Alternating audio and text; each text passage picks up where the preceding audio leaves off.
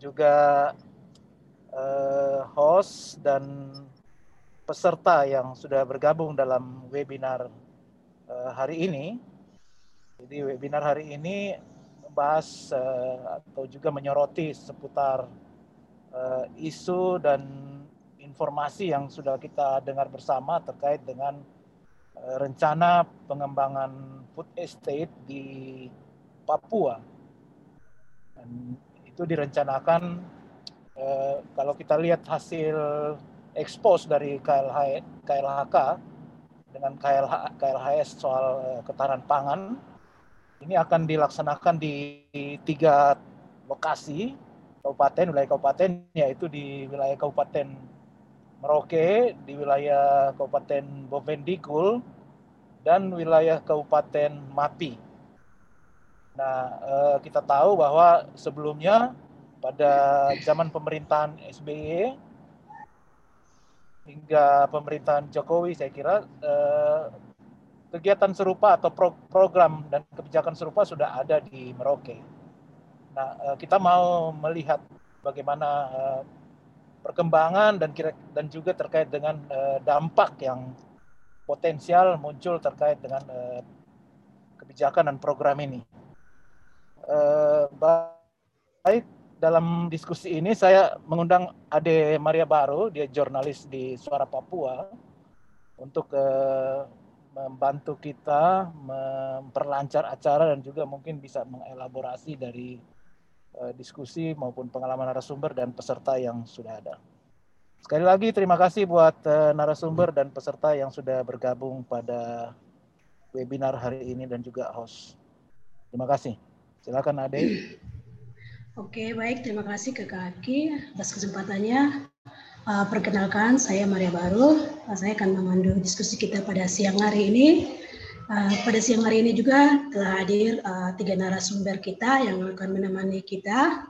Yang pertama, uh, Bapak Profesor Dr. Insinyur San, Af San Afri Awang, MSc. Uh, Bapak adalah uh, mantan dosen di Fakultas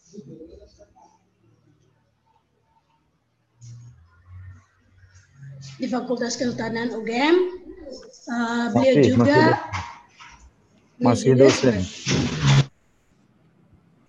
Masih dosen. Oh, masih dosen. Ya, Bapak masih dosen di Fakultas Kehutanan UGM. Uh, Bapak juga sebagai ahli bidang perhutanan sosial dan pernah uh, memimpin penelitian daya tampung dan daya dukung di Papua. Kemudian narasumber kedua kita yaitu dengan Ibu Dr. Laksami Andriani Safitri MSc, uh, ibu juga sebagai dosen antropologi di Papua dan juga juga fokus di penelitian di Jogja. Papua, dosen antropologi di Jogja dan fokus penelitian di Papua. Kemudian narasumber kita yang ketiga yaitu Bapak Dr. Estiko Triwidayo SH MSc, beliau dari Dinas Perhutanan Provinsi Papua. Uh, baik, uh, sebelum kita akan lanjut atau diskusi pada siang hari ini, kita akan nonton film singkat sebagai pembuka, yaitu uh, film dokumenter di Mahuse.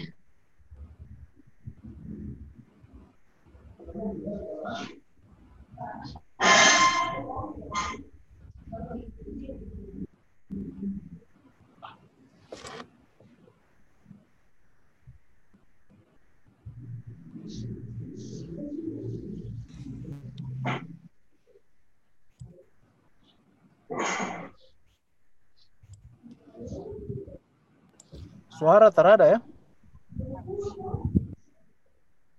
Ada,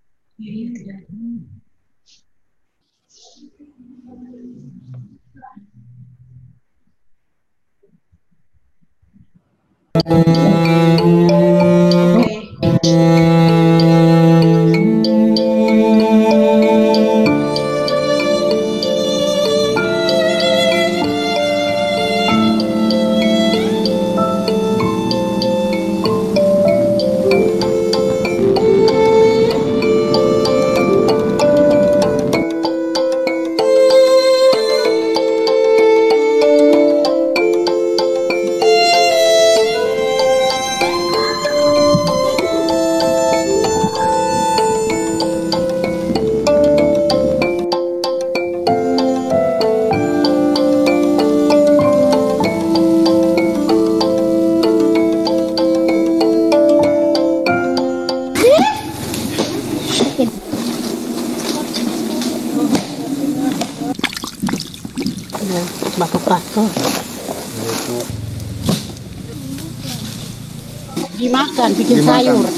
Kita lihat itu kalau padi itu kita tanam itu mungkin setengah tahun baru kita bisa pandai punya hasil terus kita makan.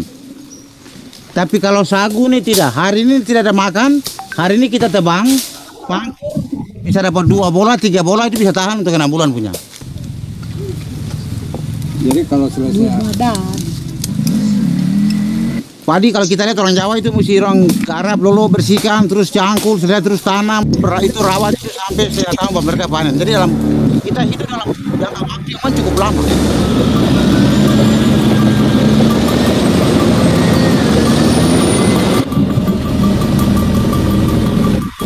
Bukan lahan, ini kita punya tanah. Yang mana yang pemilik bilang tidak bisa. tidak tidak bisa itu sudah.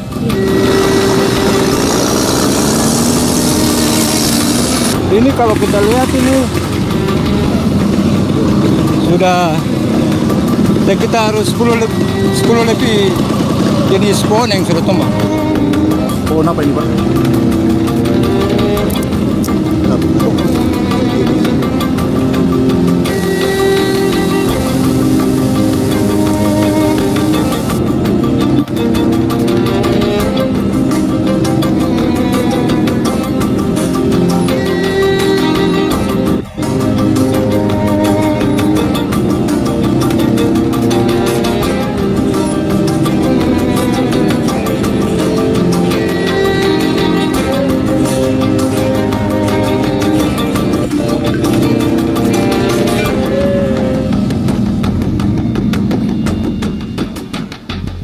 Jadi keputusan kami tidak akan kasih busur. Saya minta hari ini jujur, karena kita sudah kalah game pertama. Tapi kenapa terjadi seperti ini lagi? Berarti ada permainan di dalam. Tidak.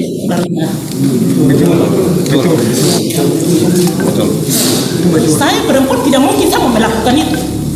Pasti dari saudara laki-laki yang akan melakukan hal seperti itu.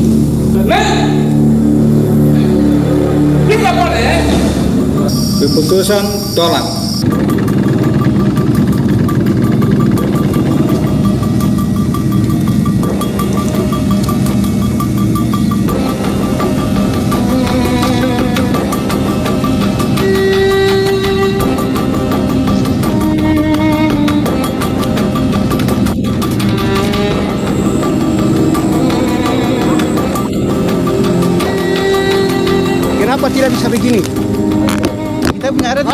Mati. Saya sudah bilang, ini kami mendorong ini. Kami punya. Orang itu orang tamu. Iya, kalau tidak kita Orang kalau bagaimana itu mereka harus datang kita panggil ke sana. hak. Bukan karena kita pinjam tidak. Ini kita punya hak. Jadi kita mau malah biar kita mati deh. Sana itu kita mati.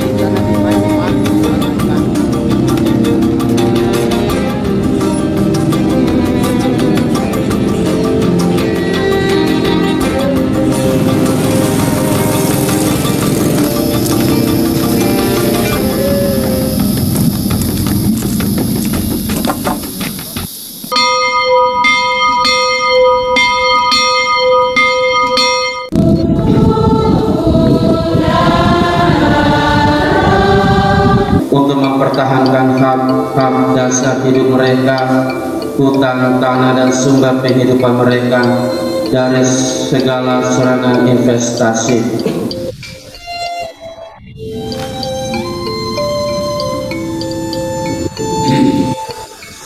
Seluruh anggota marga Mahusu besar menunjukkan rasa kepedulian dan perjuangan untuk melindungi tanah, hutan, dan seluruh sumber penghidupan bagi kelangsungan hidup seluruh marga Mahusus.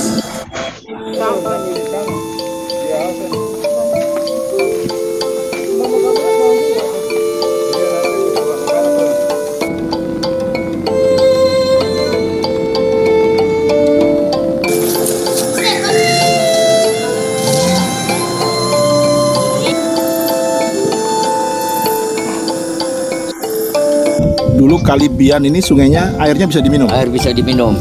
Jadi kita tidak perlu mempersiapkan itu bahan minum. Jalan saja di mana kita haus ya minum saja di kali itu. Dulu. Dulu kali itu bersih sebelum ada perusahaan.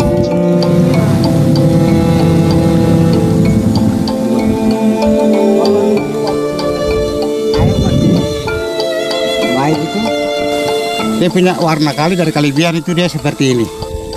Jadi kita bisa lihat ikan di dalam kali itu. Dalam air. Ya. Tapi Sekarang sekarang, karena begini. ya, tapi sekarang karena banyak perusahaan yang orang gusur-gusur, akhirnya kali sekarang jadi begini. Kita bisa lihat ikan lagi di atas permukaan air. Ini sampai di hulu begini terus sudah. Ya. Iya.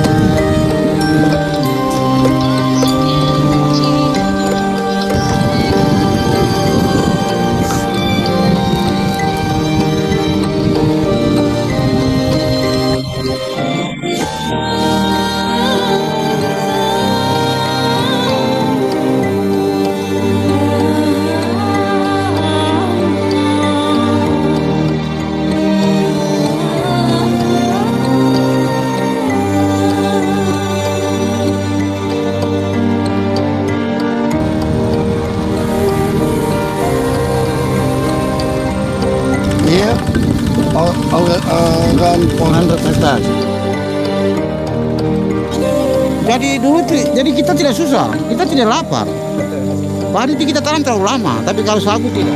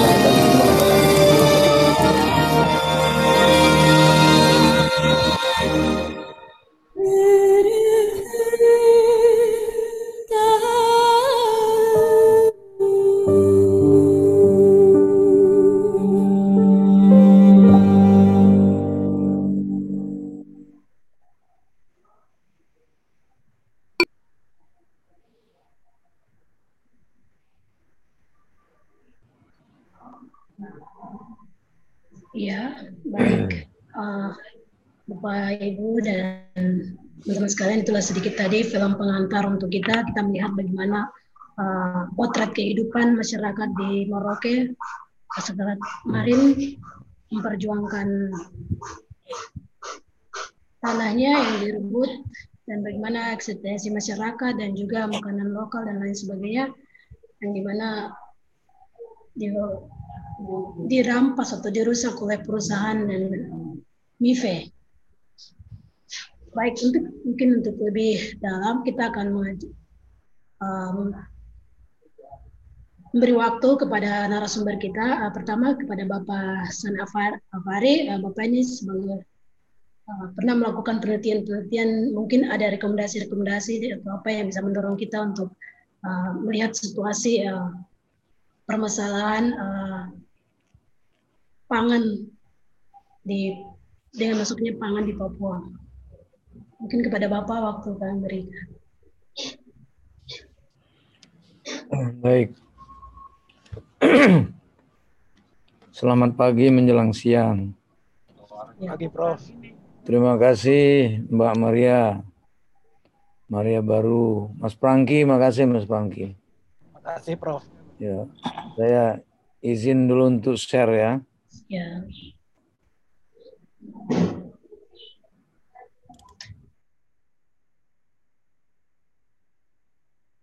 Apakah sudah kelihatan di layar? Kelihatan, Prof. Baik. eh,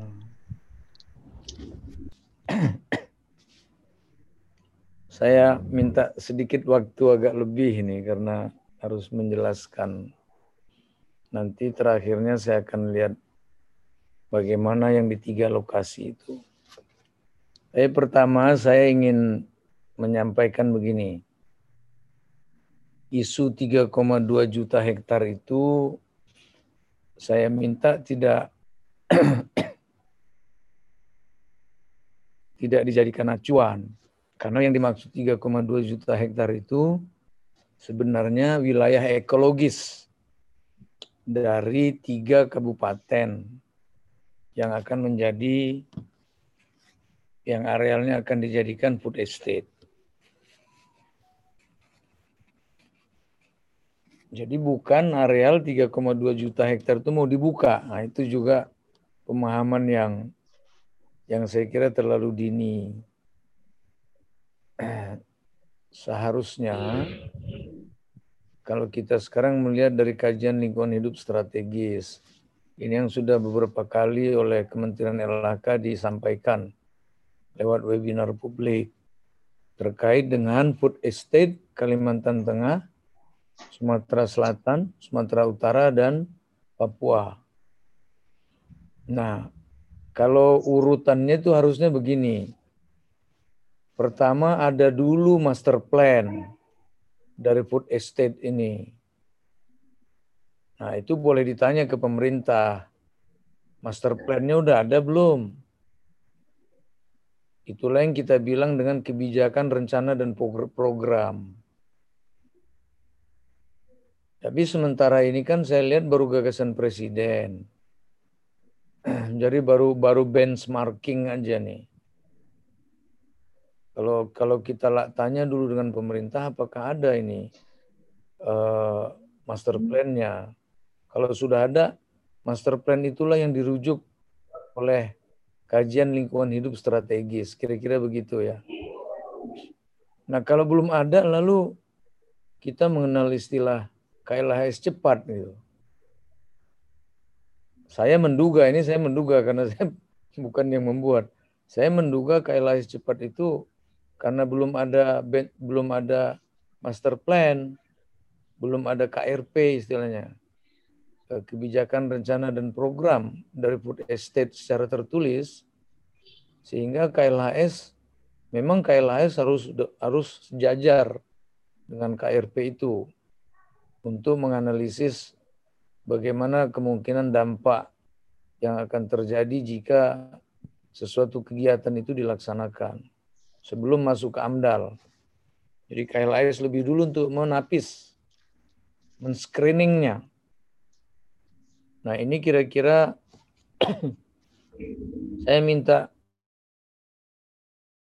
diminta untuk daya dukung tampung lingkungan hidup. Karena memang kebetulan 2019 itu kita punya studi dua tahun di seluruh Pulau Papua. Nanti saya akan ambil cuplikannya aja. Baik, saya akan mulai.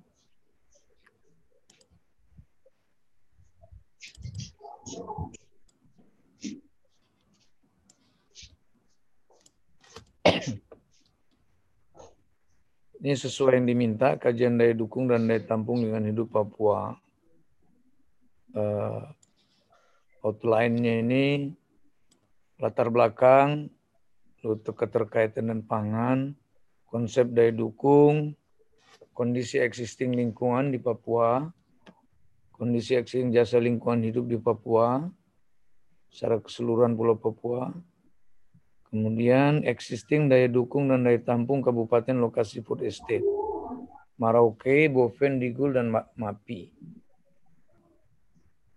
Kemudian ada tabel kerentanan nanti akan saya sampaikan. Eh, lalu faktor pembatas, kemudian karakter Susekbud OAP, kemudian arahan bagaimana terkait food estate ini menurut pandangan saya.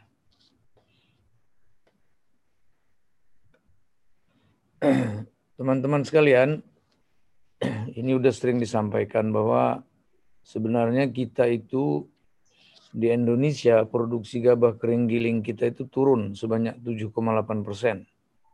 Dari 59 juta menjadi 54 juta ton. Produksi beras menjadi ikut turun sebesar 7,7 dari 33 atau 34 juta ton menjadi 31 juta ton. Ini catatan dari BPS. Yang kedua, latar belakangnya, pemerintah itu ingin mengurangi ketergantungan impor pangan yang meningkat secara terus-menerus. Bisa kita lihat 17 ke 18 meningkatnya cukup banyak impor. Lalu 2019 turun. Dan yang ketiga ini soal global pandemic. Uh, karena adanya global pandemic lalu cuaca ekstrim diduga beberapa tahun ke depan akan mengalami persoalan pangan. FAO sudah memperingatkan dampak-dampak ini. Produksi pangan kita selama ini 60% dihasilkan dari Pulau Jawa. Lalu produksi ditopang oleh petani kecil yang rentan melakukan konversi lahan. Akibatnya di Pulau Jawa muncul petani-petani gurem yang luas lahannya kurang dari 0,5 hektar dan banyak tanah di pedesaan juga dikuasai oleh orang-orang kota. Sehingga memang terancam dari segi luas ini Eh, luas lahan pertanian terus terancam menurun. Kemudian juga kita ada punya punya undang-undang tentang ketersediaan pangan Undang-Undang 18 tahun 2012 di mana pilihan-pilihan kita intensifikasi dan ekstensifikasi. Nah, kalau kita lihat dari produksi kalau tidak salah saya membaca areal areal pertanian pangan kita ini sudah 16 juta hektar existing. Jadi kalau ditambah ditambah lagi akan mau masuk ke 20 juta hektar. Nah sebetulnya kan pertanyaannya pangan ini dari lahan-lahan yang ada produktivitasnya berapa sih? Vietnam saja misalnya padi itu sudah masuk di hampir 4 ton rata-rata. Indonesia masih di bawah 2 ton. Rata-rata ya. Ada sih yang 6-7 ton ada, tapi rata-rata kurang dari 2 ton. Jadi dengan Vietnam saja produktivitas kita kalah. Sebenarnya kalau produktivitasnya ditingkatkan, mungkin tidak perlu ekstensifikasi lahan pangan baru.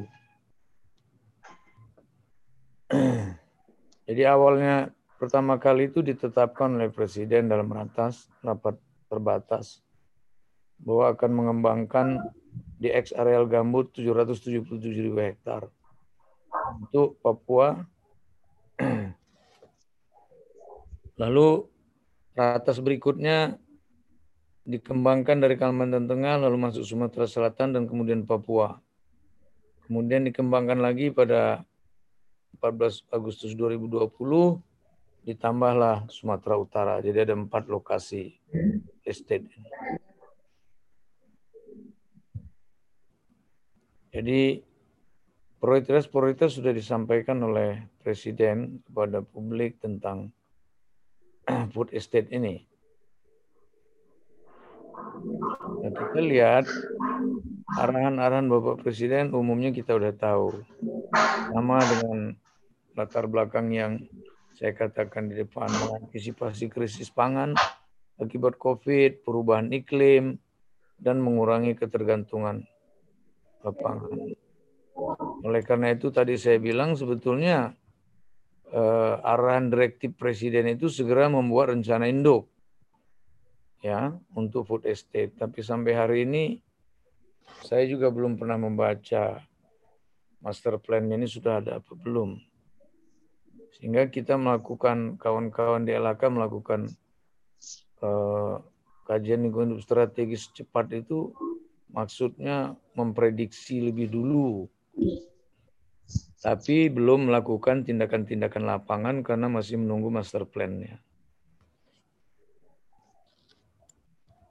Kemudian kita coba lihat per definisi menurut Undang-Undang 18. Pangan adalah segala sesuatu yang berasal dari sumber hayati, produk pertanian, perkebunan, produk kehutanan, produk perikanan, produk peternakan, perairan. Nah, ini harus kita pegang betul teman-teman ya bahwa yang dimaksud pangan itu bukan hanya tanaman semusim. Jadi boleh di areal pangan itu menanam tanaman-tanaman perkebunan.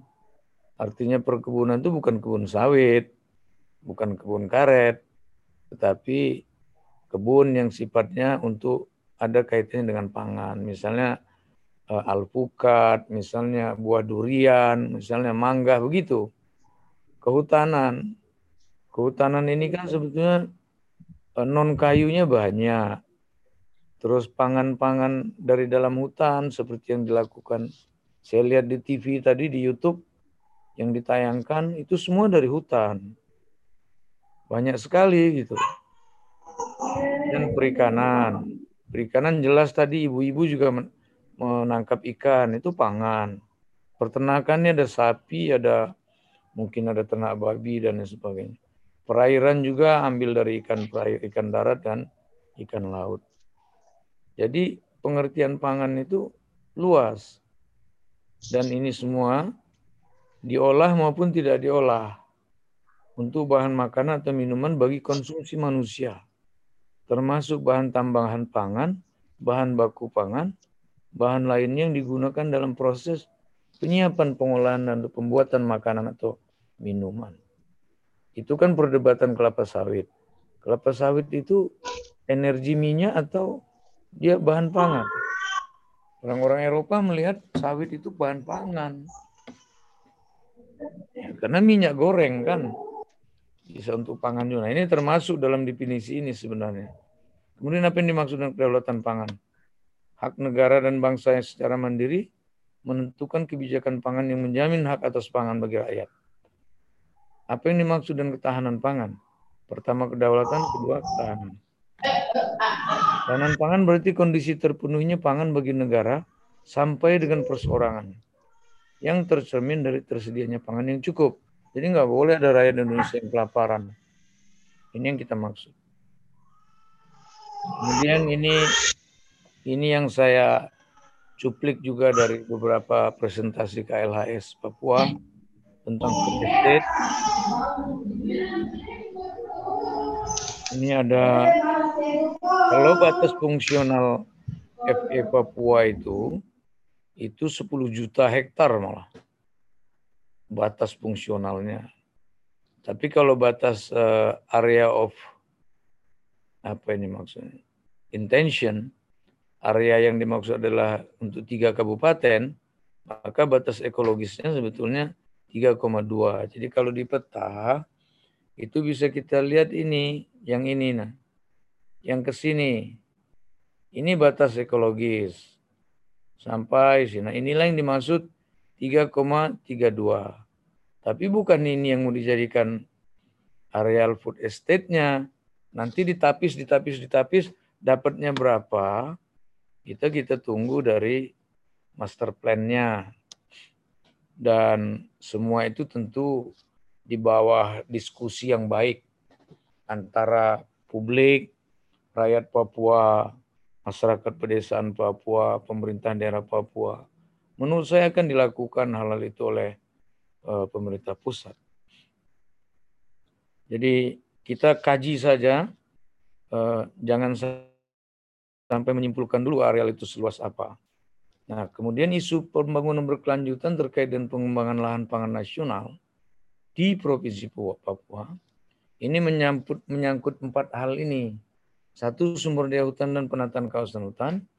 Keberlanjutan keanekaragaman hayati, biodiversity hutan, di, di hutan. Keberlanjutan sumber daya lahan termasuk lahan gambut. Papua juga ada gambut.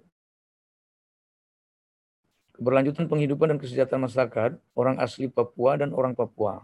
Saya membedakan kalau OAP adalah orang asli Papua. Kalau orang Papua adalah orang asli bah pendatang dan kelahiran-kelahiran di Papua. Kalau di statistik yang saya lihat itu orang Papua. Kalau orang asli Papua pernah ada juga di statistik, tapi akhir-akhir ini nggak ada lagi uh, statistiknya. Itu perlu didorong lagi oleh teman-teman. Nah, konsepnya begini untuk mengetahui daya dukung daya tampung lingkungan hidup. Konsepnya begini. Nah, kita ada namanya ekosistem dan keanekaragaman hayati. Ini satu sisi. Kita punya sumber daya alam. dan sumber daya alam ini biofisik dan non biofisik. Lalu di dalam ekosistem dan keanekaragaman hayati ini kita punya dua hal yang dibahas. Yang pertama struktur atau proses biofisik yang ada di ekosistem dan keanekaragaman hayati. Kira-kira kaitannya misalnya dengan penutupan vegetasi atau produktivitas-produktivitas. Kemudian dari struktur dan proses biofisik ini akan melahirkan fungsi. Jadi kalau ini sebagai satu sistem yang besar, maka dia akan melahirkan fungsi. Fungsinya itu misalnya aliran air secara gradual, eh, jumlah biomasa vegetasi di atas eh, tanah, misalnya seperti itu. Lalu dari fungsi itu menghasilkan jasa. Inilah yang kita sering bilang jasa ekosistem, jasa lingkungan hidup, jasa-jasa yang bisa dimanfaatkan oleh manusia. Kemudian jasa ini dimanfaatkan berkaitan dengan kesejahteraan manusia. Jadi kalau di Papua ya kesejahteraan masyarakat manusia yang mana? OAP dan orang Papua. Konteksnya begitu pendekatannya. Kemudian eh, begitu ada manfaat maka dia akan melahirkan nilai. Nah nilai inilah yang bisa bernilai ekonomi eh, dan nilai ekonomi yang baik, pendapatan masyarakat baik, maka pertumbuhan ekonomi baik, maka segala kewajiban rakyat untuk memenuhi hidupnya dan juga kewajiban-kewajiban yang lainnya bisa dipenuhi ketika ekonomi rakyatnya baik. Ya pendekatannya. Jadi sumber daya alam itu dimanfaatkan dengan nilai. Dan ini diutamakan tentu eh, kawan-kawan Papua, OAP terus menjadi prioritas dari semua proses daya dukung, daya tampung ini.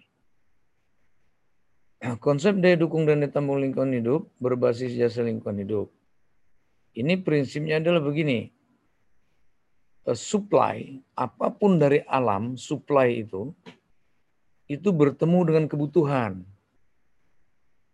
Jadi kalau dia seimbang, maka sebetulnya daya dukung dan daya tampung itu sudah memadai dan tidak perlu dikhawatirkan.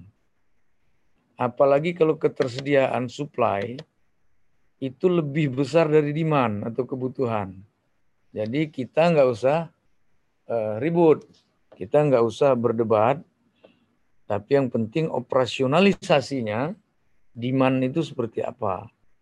Jadi dalam pengertian daya dukung daya tampung kita akan membahas bagaimana supply jasa lingkungan dengan kebutuhan semua bentuk kehidupan yang ada di Pulau Papua, khususnya nanti di daerah eh, Mapi, Boven, dan Maroke.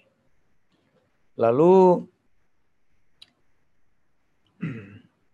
jangan lupa dalam rangka pemanfaatan, yaitu kebutuhan ini, harus mengenal, harus mengkonsiderasi sesuai pasal 12 ayat 2 Undang-Undang 32, Undang-Undang Lingkungan tiga hal yang paling penting. Pemanfaatan itu harus memperhatikan satu, keberlanjutan proses dan fungsi lingkungan hidup.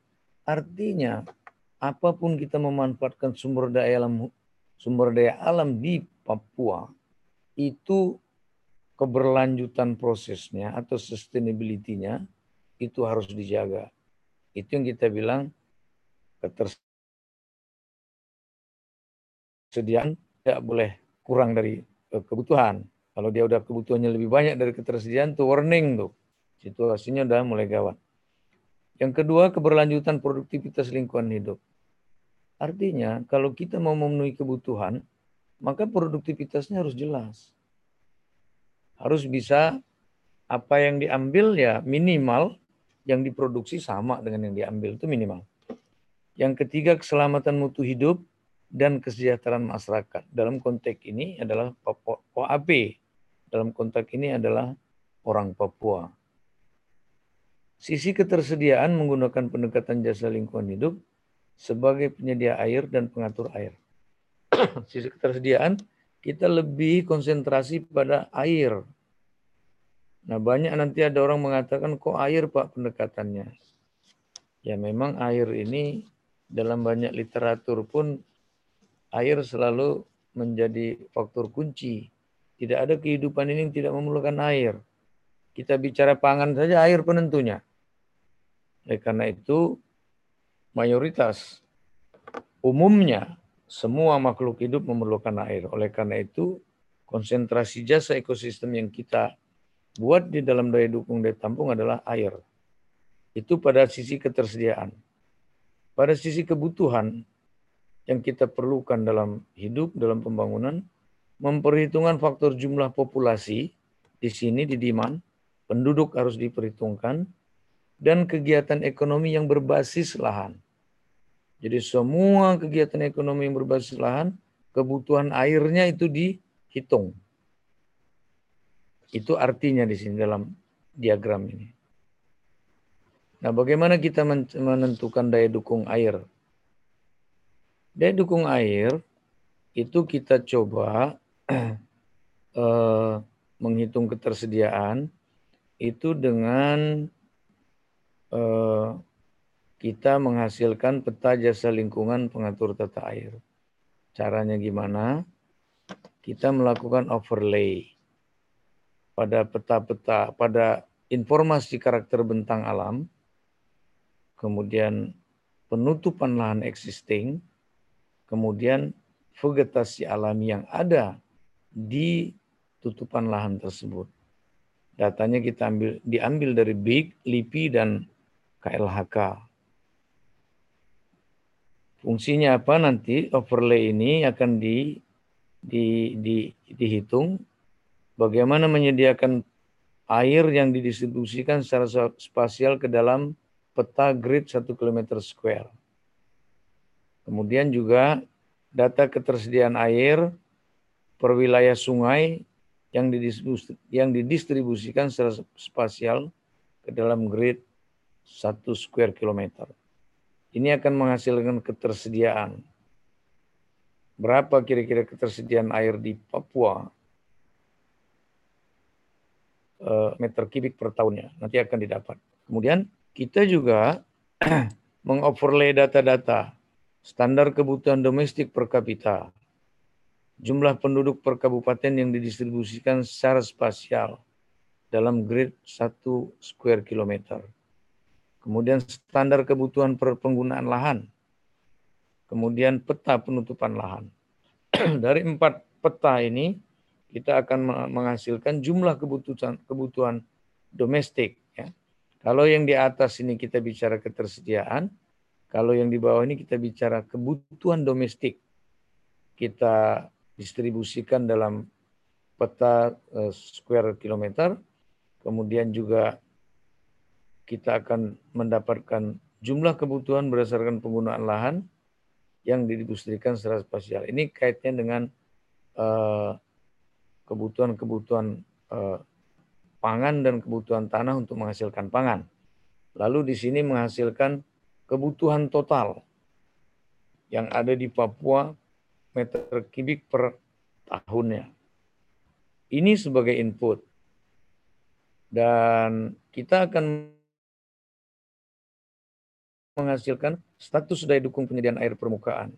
Indikatornya apakah penyediaan air permukaan itu terlampaui atau belum terlampaui. Outputnya nanti ada. Lalu ada peta jasa lingkungan pengatur air sebagai informasi pendukung untuk menghasilkan status daya dukung penyediaan air permukaan terlampaui atau tidak terlampaui. Kemudian kita juga eh, dengan hal yang sama, tadi itu untuk daya dukung air, kalau sekarang untuk daya dukung pangan. Prosesnya sama. Kita akan dapat status daya dukung penyediaan pangan. Kalau tadi kita akan dapatkan status daya dukung penyediaan air. Hanya beda air dan pangan saja. Mekanismenya sama. Kemudian kita juga menghitung uh, penentuan kecenderungan perubahan jasa pengatur air. Ini maksudnya begini. Kita mengambil dua titik. Dua titik yang bedanya uh, 10 tahun. Apakah bentang alam, apakah penutupan lahan existing, apakah vegetasi itu mengalami perubahan antara tahun 1996 dengan tahun 2016. Kita gunakan untuk prediksi. Nanti ada baik lagi kalau ada satu lagi. Ini 96, 2006, 2016, berarti 20 tahun. Nanti kita bisa uji lagi di 2026. Itu bisa lebih baik lagi, sudah ada 30 tahunan. Ini 20 tahun yang diangkat, dipakai. Nanti kita akan menghasilkan indeks dari perubahan jasa lingkungan ini. Apakah kalau intervensi pembangunan banyak, maka bisa jadi perubahan jasa lingkungan itu sangat tinggi. Jadi gradasinya sangat tinggi, tinggi, sedang, rendah, dan sangat rendah. Nanti kita akan bicarakan. Jadi kecenderungan perubahan jasa pengatur air ini penting ini. Karena kita ingin melihat seberapa jauh intervensi pembangunan, pembukaan kawasan, dan lain-lain di Papua. Kemudian, eh, kita akan eh, melihat kondisi existing fungsi lingkungan hidup keseluruhan Pulau Papua. Ini dengan cara tadi ada kita lihat penyedia, ada kita lihat pengatur. Kemudian kita lihat lagi, kita sinergikan dengan penyedia dan pengatur ini, misalnya penyediaan pangan, penyediaan air, perlindungan terhadap bencana banjir, pengaturan iklim, pengaturan air, perlindungan terhadap bencana longsor, perlindungan terhadap bencana kebakaran hutan dan lahan, lalu pemurnian air. Kita kaitkan dengan pemanfaatannya. Permisi Bapak. Permisi Bapak. Nanti kita akan menghasilkan uh, gambaran tentang existing fungsi lingkungan di Papua. Nah ini secara cepat saja teman-teman. Kita lihat kondisi existing lingkungan hidup keseluruhan di Papua. Kalau kita lihat dari fungsi lingkungan hidup penyimpan air Papua, sebenarnya aman, sangat aman Papua itu. Warna hijau itu warna yang sangat tinggi ininya, apa namanya, fungsi lingkungan hidup penyimpan airnya di wilayah-wilayah hijau tua. Makin dia berwarna merah pink itu makin eh, apa namanya fungsi lingkungan hidup penyimpan airnya makin berkurang. Kita lihatlah ini kawan-kawan di pantai, di Bintuni, ya di Merauke, di daerah-daerah aluvial ini mungkin sudah mulai agak terganggu lingkungan. Kemudian kalau kita lihat dari fungsi lingkungan hidup yang dapat memproduksi pangan, ini akan kelihatan sekali teman-teman sekalian. Fungsi pangan pantai di Merauke ini juga karena mungkin sering banjir ya, jadi ada kesulitan pangan mungkin. Ini harus di, di di, diambil pangannya dari luar. Di pegunungan tengah, teman-teman bisa lihat. Atau di pulau-pulau, daerah-daerah yang yang sulit-sulit memang. Ini fungsi lingkungan hidup untuk memproduksi pangannya kami istilahkan serealia dengan non serealia di Pulau Papua. Ini mengalami problem. di ini karena sangat bergantung pada alam. dan ini bergantung pada umbi-umbian. Kalau alam terganggu, ya akan ada kesulitan pangan. Bukan tidak ada pangannya, tapi kesulitan mentransportasi pangannya. Ini juga eh, kaitannya dengan hidrologi. Hidrologi aman, tapi di pegunungan tengah ada glacier di pegunungan tengah itu.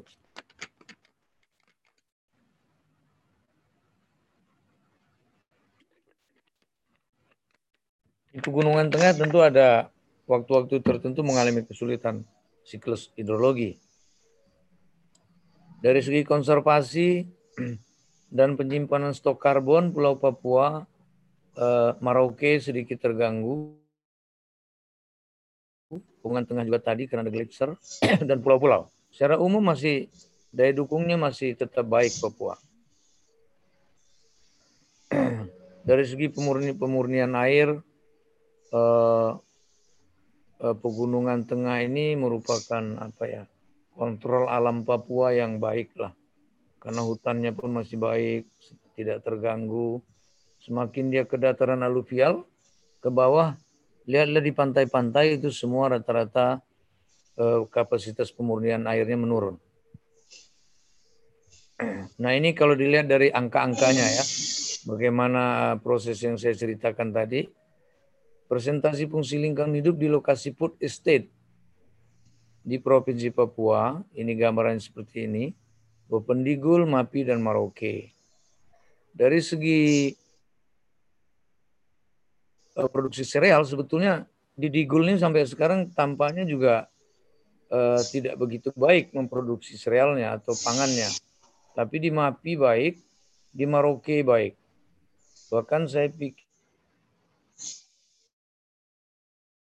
Mapi Maroke sudah berlebih pangannya, bahkan menghadapi masalah tidak bisa menjual, tidak bisa menjual bahan pangannya. Di Gul memang ada uh, kekurangan tampaknya. Kemudian dari stok karbon saya kira di Gul paling bagus, MAPI Merauke udah banyak terbuka, maka stok karbon menurun. Penyimpanan air ini rata-rata juga uh, kurang baik.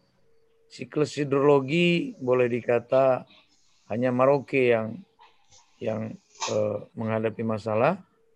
Kemudian pemurnian air saya kira di Gul paling bagus seperti yang sudah saya gambarkan.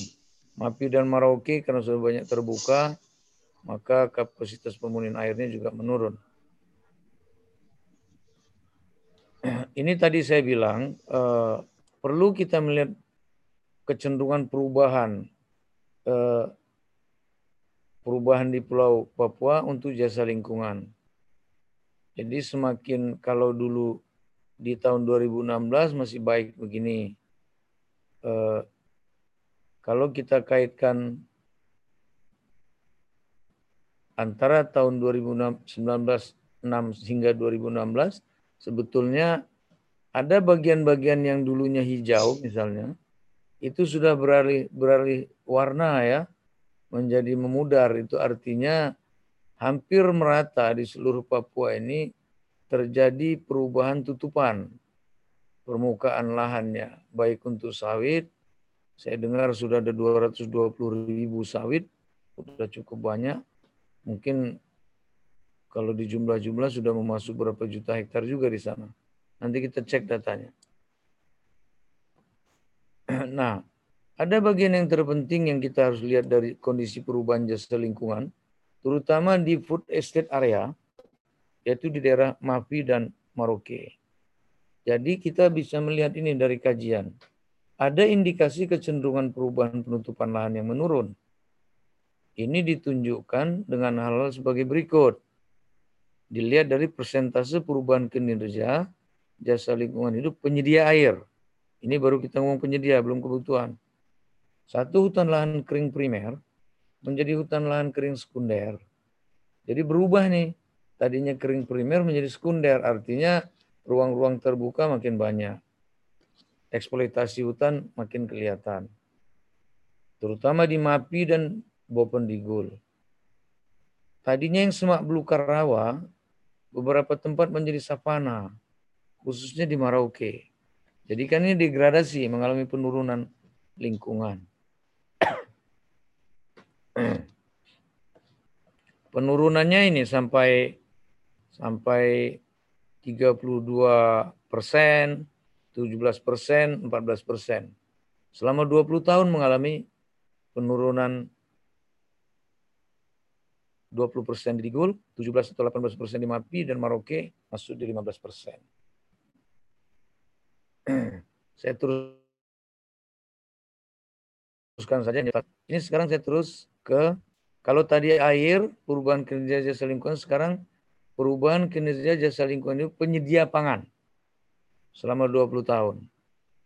Indikasi kecenderungan perubahan penutupan lahan yang menurun juga ditunjukkan sebagai berikut. Satu, Hutan lahan kering primer menjadi hutan lahan kering sekunder.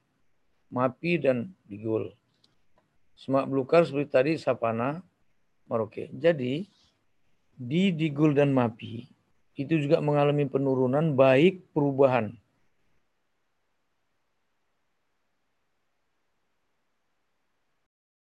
persen maupun penyedia pangan. Di tiga kabupaten ini menurun. Ada peningkatan, tapi peningkatannya sedikit. Seperti di Gul, peningkatan pangannya 1,13 persen. MAPI 2 persen, Maroke 5 persen. Tutupannya ya, jasa lingkungannya. tetap itu 65, MAPI 80, Maroke 80. Jadi di Digul ini diam-diam sebenarnya sudah banyak perubahan ini. Baik jasa konstruksi, jalan raya mungkin. Pembukaan-pembukaan di Digul tampaknya cepat. Sehingga tutupan lahan yang tetap tidak berubah itu 65 persen. Tapi kita lihat penurunannya. Lagi-lagi Bopendigul, saya kasih tunjuk tadi, Bopendigul di penyediaan air juga paling tinggi. Jadi saya duga Bopendigul memang maju pesat ini. Dari segi infrastruktur. Kemudian kita lihat dari penyedia pangan, tadi penyedia air Bopendigul turun 32 persen, untuk pangan juga turun 30 persen jasa penyedia lingkungannya untuk air pangan.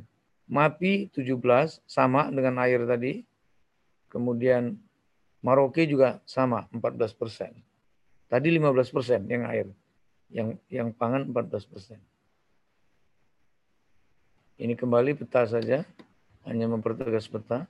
Kemudian kalau tadi tadi penyedia air sekarang kita lihat yang eh, pengatur air ya sama semua mengalami penurunan semua ini. Lagi-lagi indikasi kecenderungan perubahan penutupan lahan ini ya penutupan lahan menurun terus hutan lahan kering primer menjadi hutan lahan sekunder, Mapi dan Digul, juga Maroke mengalami savana. dari sekunder menjadi belukar rawa, bukan savana. Lagi-lagi menurunnya bependigul pasti di atas 30 persen dan uh, Maroke di bawah 20 persen, 10 persen, Mapi di bawah 20 persen. Bagaimana dengan pengatur iklim? Juga menurun terus, karena di sana menurun maka semua kecenderungannya menurun. Dari segi presentasi perubahan kinerja jasa lingkungan hidup pengatur iklim 20 tahun terakhir, hutan lahan kering primer ini indikatornya.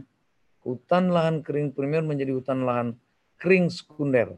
Terjadi di Mapi, Bopendigul, dan Maroke.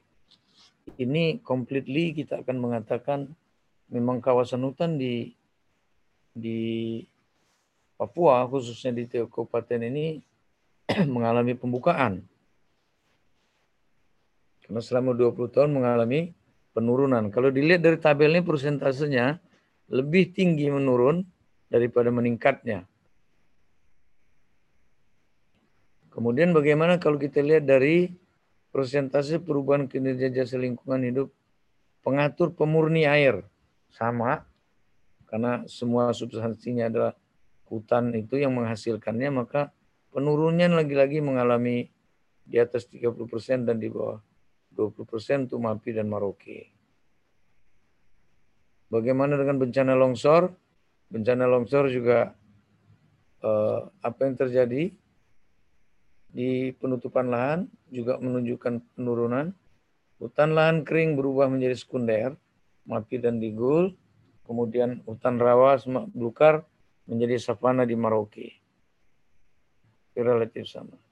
Mitigasi banjir eh, sama. Kemudian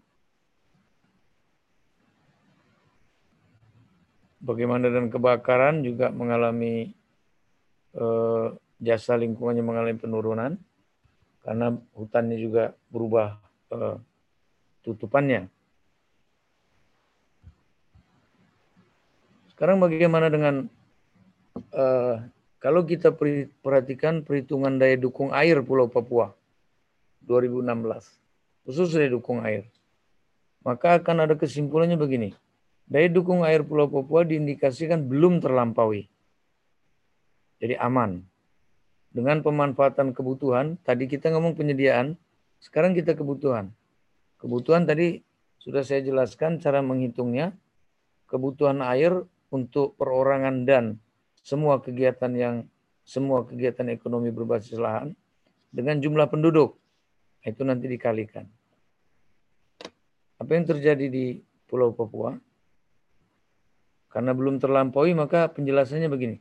Kebutuhan rumah tangga atau lahan terbangun sebanyak 353,45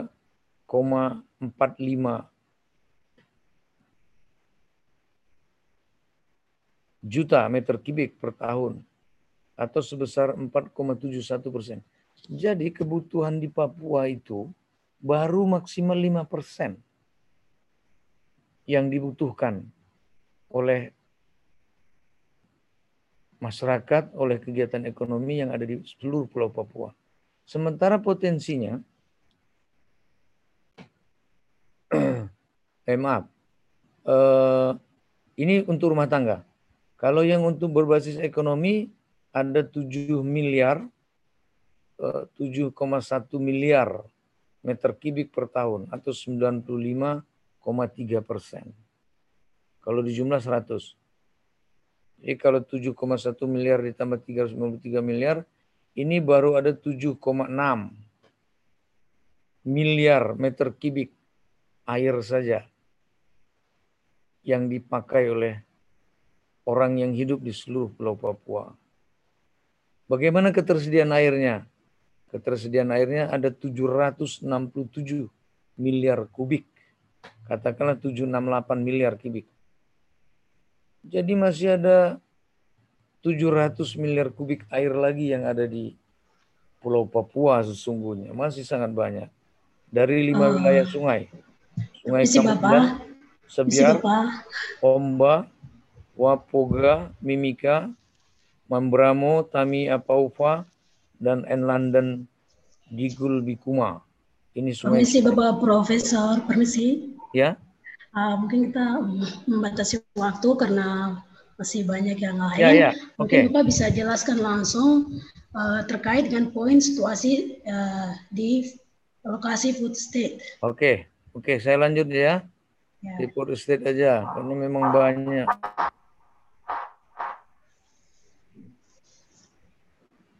Nah ini bagaimana dengan dengan yang di lokasi Port State? Di lokasi Port State, di Bovendigul ada 23586 jiwa. Populasi ini maksudnya eh, populasi saat ini di Bovendigul ada 62.000 jiwa. Tapi ketersediaannya bisa menghidupi 235 ribu jiwa. Masih, masih berkembang penduduk nggak masalah. Di MAPI itu baru ada 92 ribu jiwa, tapi bisa eh, 304 jiwa menampung 304 ribu jiwa. Di Maroke 486 ribu jiwa, yang baru ada 216 baru separuhnya. Jadi kesimpulannya daya dukung pangan pada ketiga kabupaten belum terlampaui. Jadi masih aman kalau kabupaten itu dibuka untuk food estate. Ini tekanan penduduk. Saya nggak ceritakan dengan penduduk ya, karena tapi saya ambil saja. Ini ada Digul, ada Marauke, ada Mapi. Tiga-tiganya masih aman dari segi tekanan penduduk karena penduduknya belum eh, melampaui ketentuan. Nah, ini teman-teman sekalian, saya eh, kalau saya simpulkan semuanya dari jasa pengatur air, daya, daya tampung air, daya daya tampung daya tampung daya dukung daya tampung pangan, maka sebenarnya dikaitkan dengan segala macam perizinan, HTI, IPPK,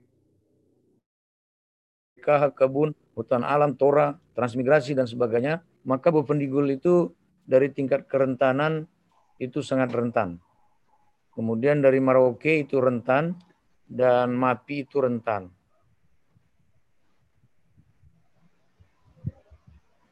Kemudian, nah ini dari segi Sosekbud OAP, saya mendekatinya dari sosial ekologi. Ada tiga parameter di dalam sistem ekologi sosial yang berinteraksi OAP dengan alam. Satu, kita harus menghitung vulnerability-nya atau kerentanan. Dua, ketahanan, resilience. Dan tiga, keberlanjutan. Jadi analisis kami, kerentanan ketahanan itu menunjang keberlanjutan. Karakter Sosekbud OAP itu ada orang yang hidup di zona rawa, zona dataran rendah, dan zona kaki-kaki gunung. Itu lembah-lembah. Kemudian zona pegunungan tinggi. Jadi ada empat zona ya di Papua itu. Di wilayah food estate itu masuknya di zona dataran pantai. Kita harus memberi catatan orang Papua yang hidup pada zona ekologi yang berbeda-beda mewujudkan pola kehidupan yang bervariasi juga. Jadi nggak harus juga harus tanam padi gitu. Kalau dia memang cocoknya untuk sagu ya mengapa tidak sagu. Tapi perlu dicatat, sagu yang sekarang kan kita ambil saja. Kita belum menanam. Kalau nanam kita nunggu 5-6 tahun lagi baru panen. Penduduk yang hidup pada zona ekologi rawa seperti misalnya Asmat, orang Mimika dan Waropen bermata pencarian pokok meramu sagu, sedangkan menangkap ikan merupakan pencarian uh, pelengkap. Kalau di pegunungan tinggi, mereka nggak padi, tapi mereka nanam umbi-umbian. Nah ini yang penting. Arahan terkait food estate berdasarkan dusi dukungan alam yang saya ceritakan tadi, berdasarkan DD detailing penduduk dan karakter sosebut, maka sosebutnya tentu harus ada. Sebenarnya saya banyak mau cerita soal sosebut ya, tapi waktu nggak ada. Kita harus mempertimbangkan untuk food estate ini. Satu, daya dukung air aman. Daya dukung pangan masih aman. Tekanan penduduk menghasilkan pangan aman di tiga kabupaten. Kecenderungan perubahan jasa lingkungan menurun terus. Ini warning, perlu diperhatikan. Kemudian kita juga harus mentapis dengan status perizinan sumber daya alam. Mungkin sudah banyak izin-izin di sana. Itu harus dilihat lagi. Kemungkinan permukiman OAP dan penduduk Papua. Ini harus diperhatikan. Di dalam area uh, batas ekologis itu masih banyak pemukiman. Tidak mungkin pemukiman digusur untuk food estate. Harus ditapis lagi. Kemudian bagaimana dengan program MIVE? Harus diperjelas. Mau ditutup MIVE atau di stop atau bagaimana? Masukkah dalam perhitungan food estate? Komunitas harus jelas sejak awal. Jadi kan tadi saya bilang di food estate itu ada pangan, ada tanaman perkebunan, ada tanaman kehutanan, ada uh, uh, palawija, hortikultura, ada perikanan, ada ternak, ada lima kegiatannya. Di tiga kabupaten ini mau apa nih? Karena kalau dari segi pangan Maroko udah berlebih. Mau dikemanakan pangannya? Kemudian harus ada master plan full state segera diselesaikan yang dapat persetujuan masyarakat dan Pemda Papua. Ini penting. Jadi jangan lagi jangan kita terkena isu yang uh, berlebihan uh, karena kita harus memastikan seperti yang dikatakan oleh kawan-kawan dinas lingkungan hidup Papua bahwa jangan-jangan 3,2 juta hektar batas ekologi, bukan area food estate ya, itu batas ekologi, untuk analisis daya dukung daya tampung, jangan-jangan yang untuk food estate-nya cuma 50 ribu hektar. Itu mungkin. Karena memang harus ditapis dengan 9 atau 10 yang saya maksud di sini. Saya kira arahan-arahan saya tidak nanti dibaca saja ini uh, prinsipnya saya ingin mengatakan begini, empat dua yang terakhir saja. Pengembangan pangan di Pulau Papua diarahkan untuk menjamin keselamatan, kualitas hidup dan kesejahteraan masyarakat melalui peningkatan produktivitas lahan. OAP dan Papua. Yang kedua, ada perubahan perilaku petani OAP dan penduduk Papua dari biasa mencari mengumpulkan bahan pangan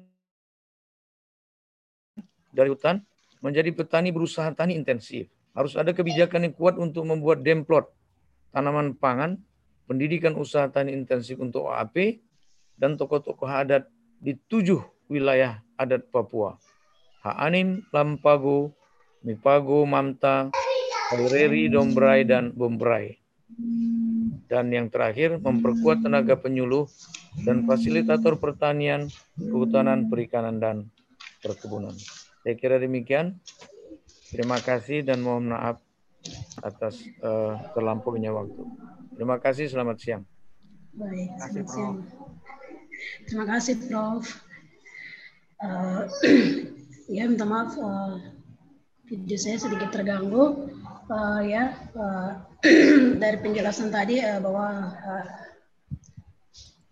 uh, Bapak menjelaskan bahwa kenapa ada food state dengan adanya dorongan kebijakan karena krisis pangan dan juga situasi pandemik tapi sehingga uh, adanya kebijakan food state di uh, Zooming webinar. Lima wilayah. Uh, untuk selanjutnya kita akan ke narasumber berikut yaitu dengan Ibu Laksmi. Mungkin Ibu Laksmi juga uh, sebagai peneliti yang selama ini melihat bagaimana uh, sebelum dan sesudah masuknya MIFID perubahan sosial yang terjadi di masyarakat di sana. Mungkin Ibu bisa menceritakan dan bisa Eh, berbagi bersama di kami sini. Terima kasih. Waktu ya, baik. Ya, terima kasih Kakak Maria. Juga eh, terima kasih buat kawan-kawan Pusaka untuk menampilkan diskusi kita pada hari ini um, yang ingin membicarakan soal episode baru dari Estate ini. Um, saya uh, mungkin ingin menawarkan satu cara untuk melihat uh, kebijakan food estate ini sebagai sesuatu yang memang belum ada barangnya. Jadi karena dia belum ada barangnya, jadi boleh kita bicarakan sebagai sesuatu yang masih tentu belum jadi gitu. Um, oleh sebab itu saya ingin mengajak kawan-kawan sekalian, Bapak Ibu, untuk melihat dulu ke belakang supaya kita nanti kalau ke depan tidak salah melangkah kan biasanya begitu ya. Kalau manusia itu kan semua punya sejarah loh kebijakan juga pasti punya sejarah karena jejak historisnya bisa kita telusuri. Um, jadi saya akan coba uh, apa berkontribusi dalam hal ini dari hasil penelitian saya di Merauke dan sedikit mungkin menyinggung uh, kondisi food estate di Kalimantan Barat di Ketapang sebagai sebuah perbandingan. Uh, ke kamar apa sudah kelihatan kah ini? Sudah sudah. Oh ya, terima kasih. Um, kawan-kawan sekalian, um, seperti tadi saya sampaikan, uh, proyek Food Asset ini tentu saja bukan sesuatu yang baru sama sekali.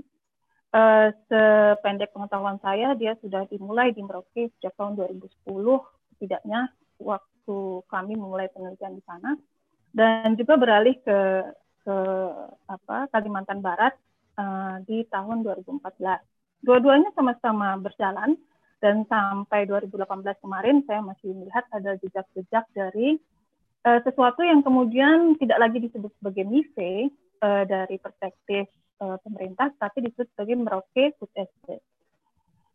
Um, saya akan mencoba untuk membagi uh, tawaran diskusi ini menjadi empat bagian.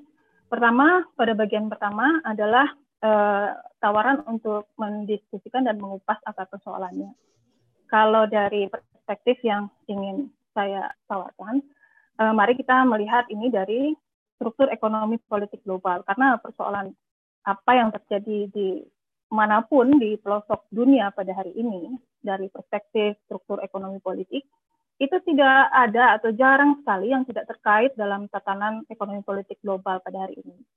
Dan yang kedua adalah um, bagaimana sebetulnya cara negara memandang masalah sehingga kemudian jawabannya adalah food estate. Tentu pertanyaannya apa kalau memang jawabannya food estate begitu begitu yang ingin saya sampaikan di bagian pertama.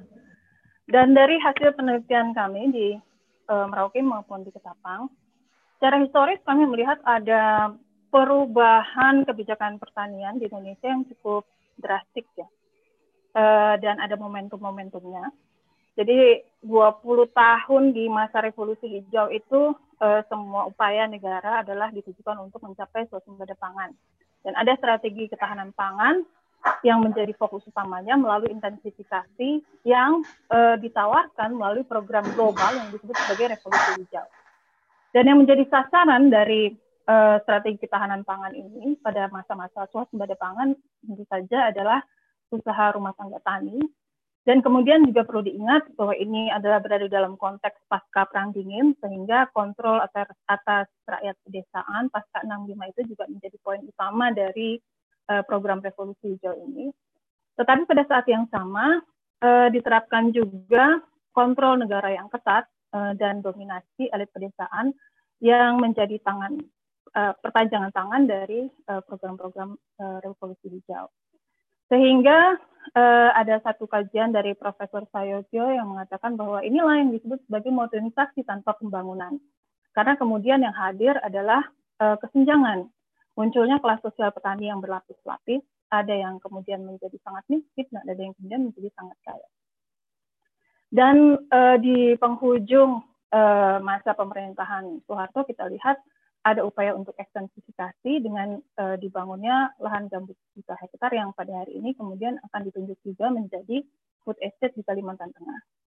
Di 2007-2008, kebijakan uh, produksi pangan kita, khususnya untuk pertanian padi, itu berubah dengan cukup drastis.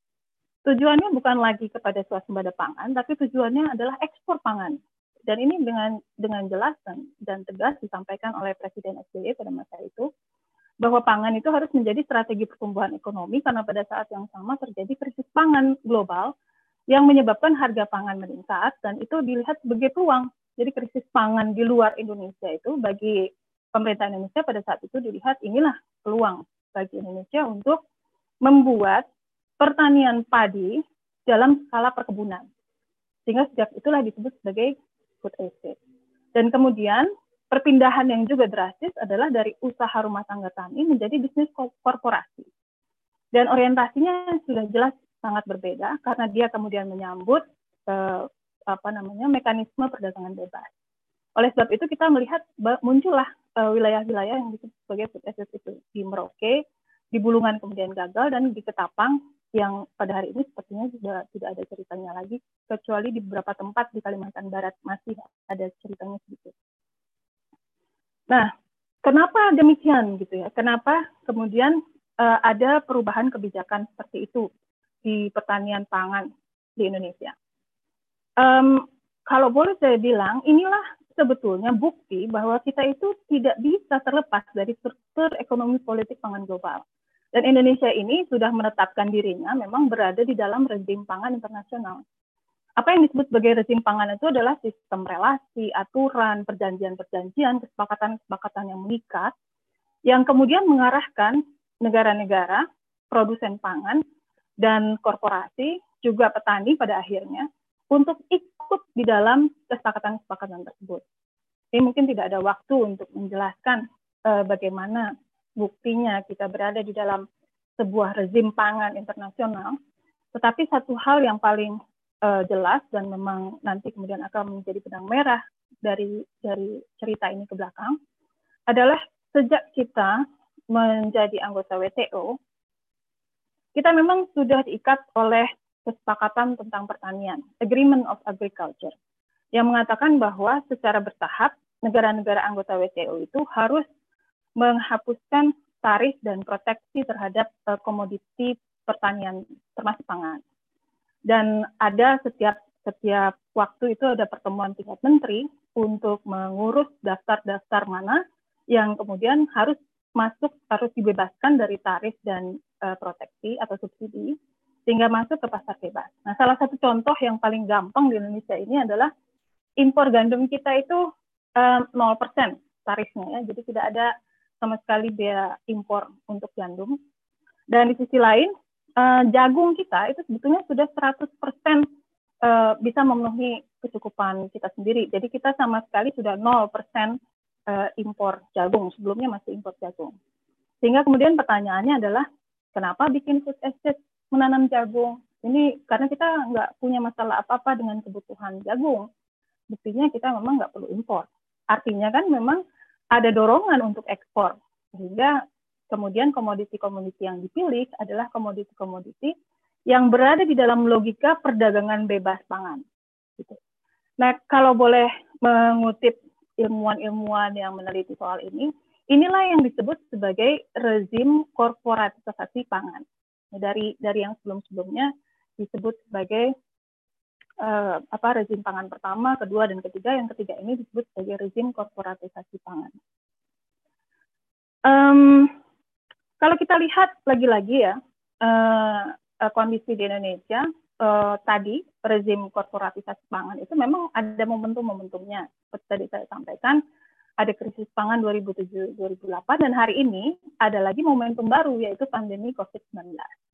Dan kita harus melihat juga bahwa semua ini momentum-momentum ini adalah momentum-momentum global yang tidak hanya uh, menjadi urusan nasional tetapi juga di dalam di dalam perspektif ekonomi politik dia tunduk kepada aturan-aturan perdagangan uh, pangan gitu.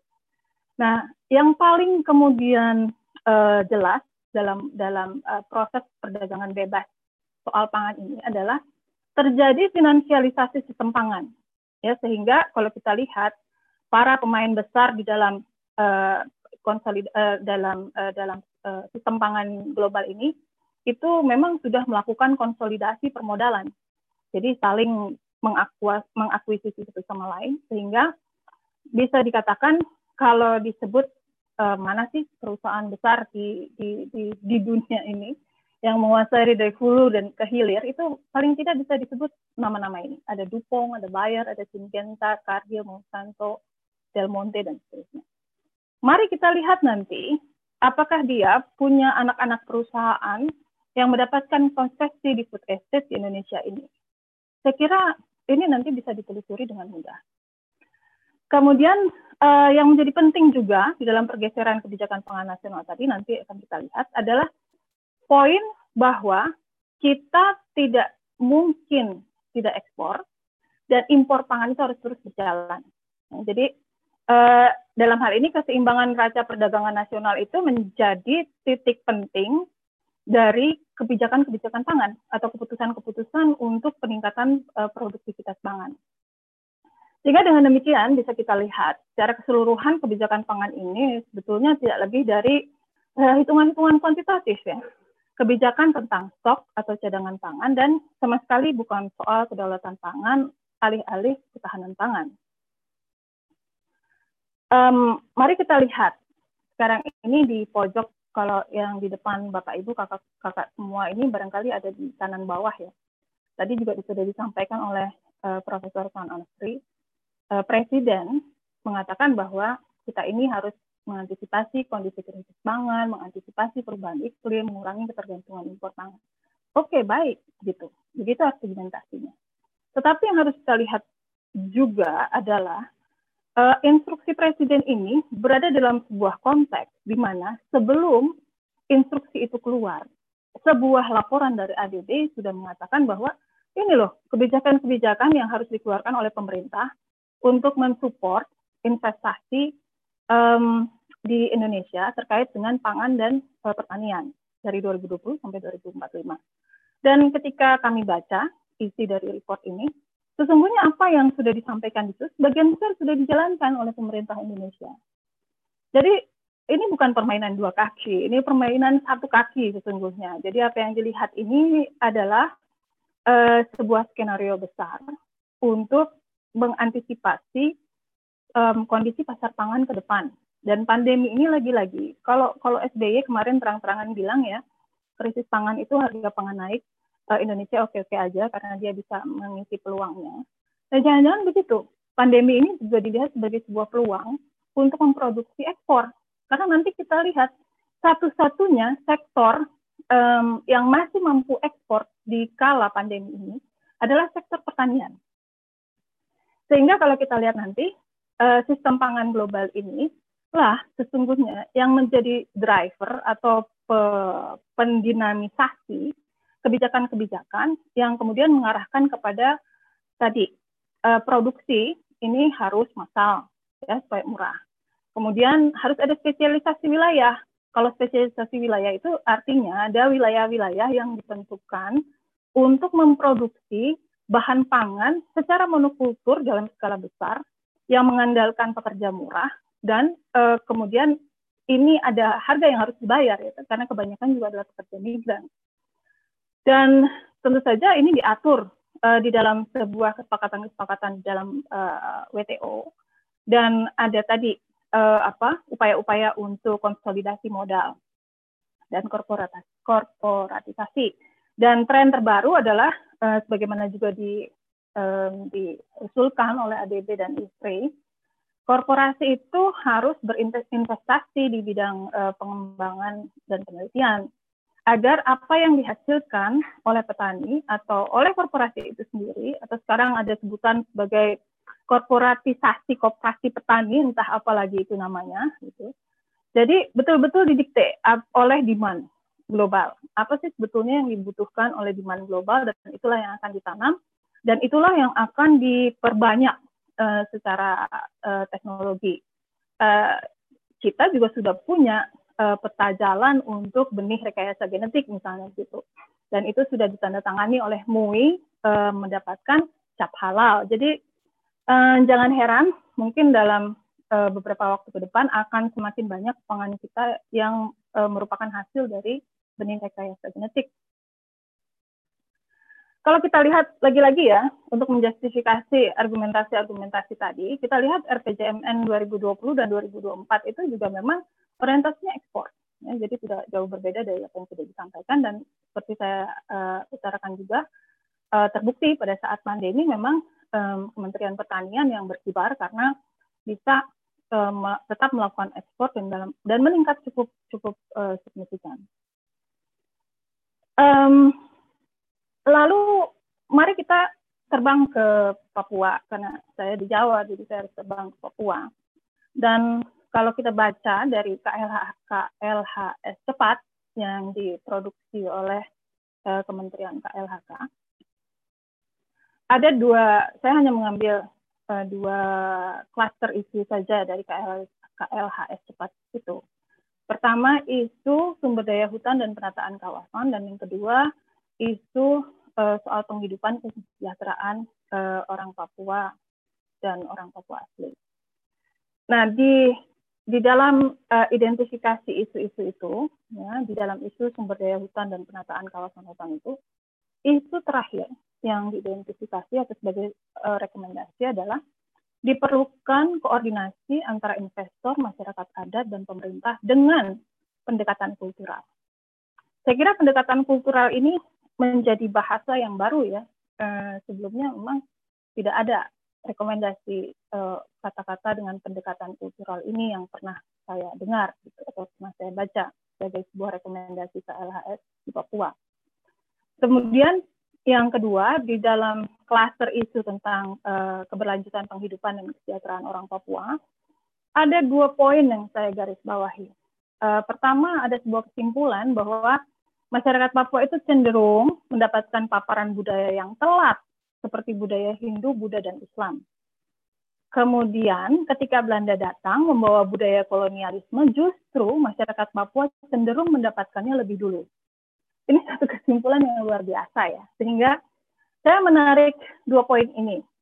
Pertama, negara memandang ada budaya kolonialisme yang diadopsi oleh orang Papua atau orang yang tinggal di Papua atau orang Papua asli. Dan yang kedua, eh, diperlukan sebuah pendekatan kultural untuk melancarkan eh, koordinasi antara investor, masyarakat adat, dan pemerintah. Dan dua hal ini sebetulnya eh, tanpa harus di, dicantumkan di KLHS ini sudah berjalan di dalam eh, MISE yang berjalan yang sudah berlangsung eh, 10 tahun terakhir ini. Kita masuk ke bagian kedua. Mari kita lihat pendekatan kultural dan budaya kolonialisme seperti apa yang terjadi. Dan kami melihatnya ini adalah sebuah proses transformasi yang dipaksa uh, untuk masyarakat Papua atau orang yang tinggal di tanah Papua itu dijadikan masyarakat yang berpikiran seperti masyarakat bisnis. Um, kami mencoba membagi ada dua fase dari food estate di Papua ini. Fase pertama itu adalah Merauke Integrated Food and Energy Estate. Uh, saya mencoba melihatnya ini sebetulnya secara intensif ya terjadi dari 2008 sampai dengan 2014. Um, penelitian kami juga uh, berkisar dari uh, dari tahun 2010 sampai 2018 dengan bolak-balik dan fokus di kampung Zanegi di uh, distrik Animha dan beberapa kampung di Domande kemudian uh, sorry di ya di di daerah pesisir. Um, kita lihat apakah yang uh, pendekatan kultural yang sudah dilakukan. Um, yang paling mudah dilihat adalah di dalam uh, prosesi pelepasan tanah adat. Tentu saja sudah banyak ya prosedur dan jalur perizinan yang harus ditempuh untuk masuk ke dalam uh, um, satu realitas bahwa pada akhirnya tanah tersebut bisa dimanfaatkan oleh investor. Itu ada aturan pemerintah yang bisa dijalankan. Tetapi di sisi lain, itu tidak bisa berjalan begitu saja. Mungkin ini yang disebut sebagai pendekatan kultural.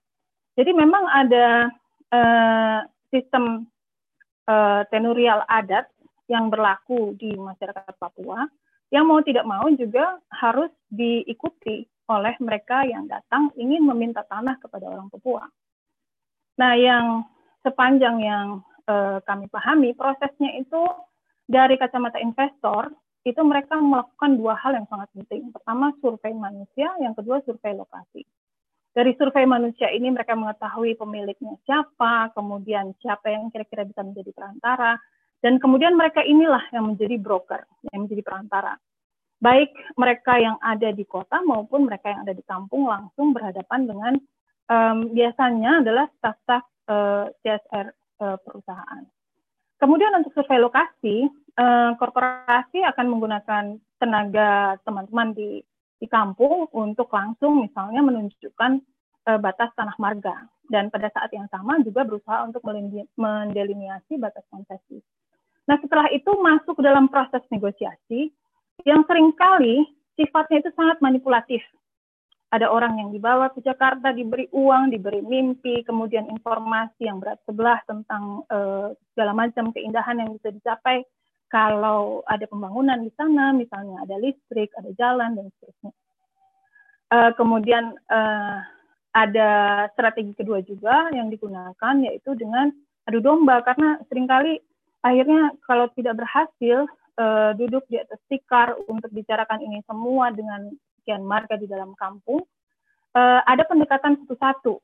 Satu-satu marga ini kemudian didekati, kemudian dilakukan negosiasi, dan pada akhirnya lepas Bahkan uh, langkah yang sangat mungkin dan sudah terjadi juga adalah intimidasi dengan kekerasan.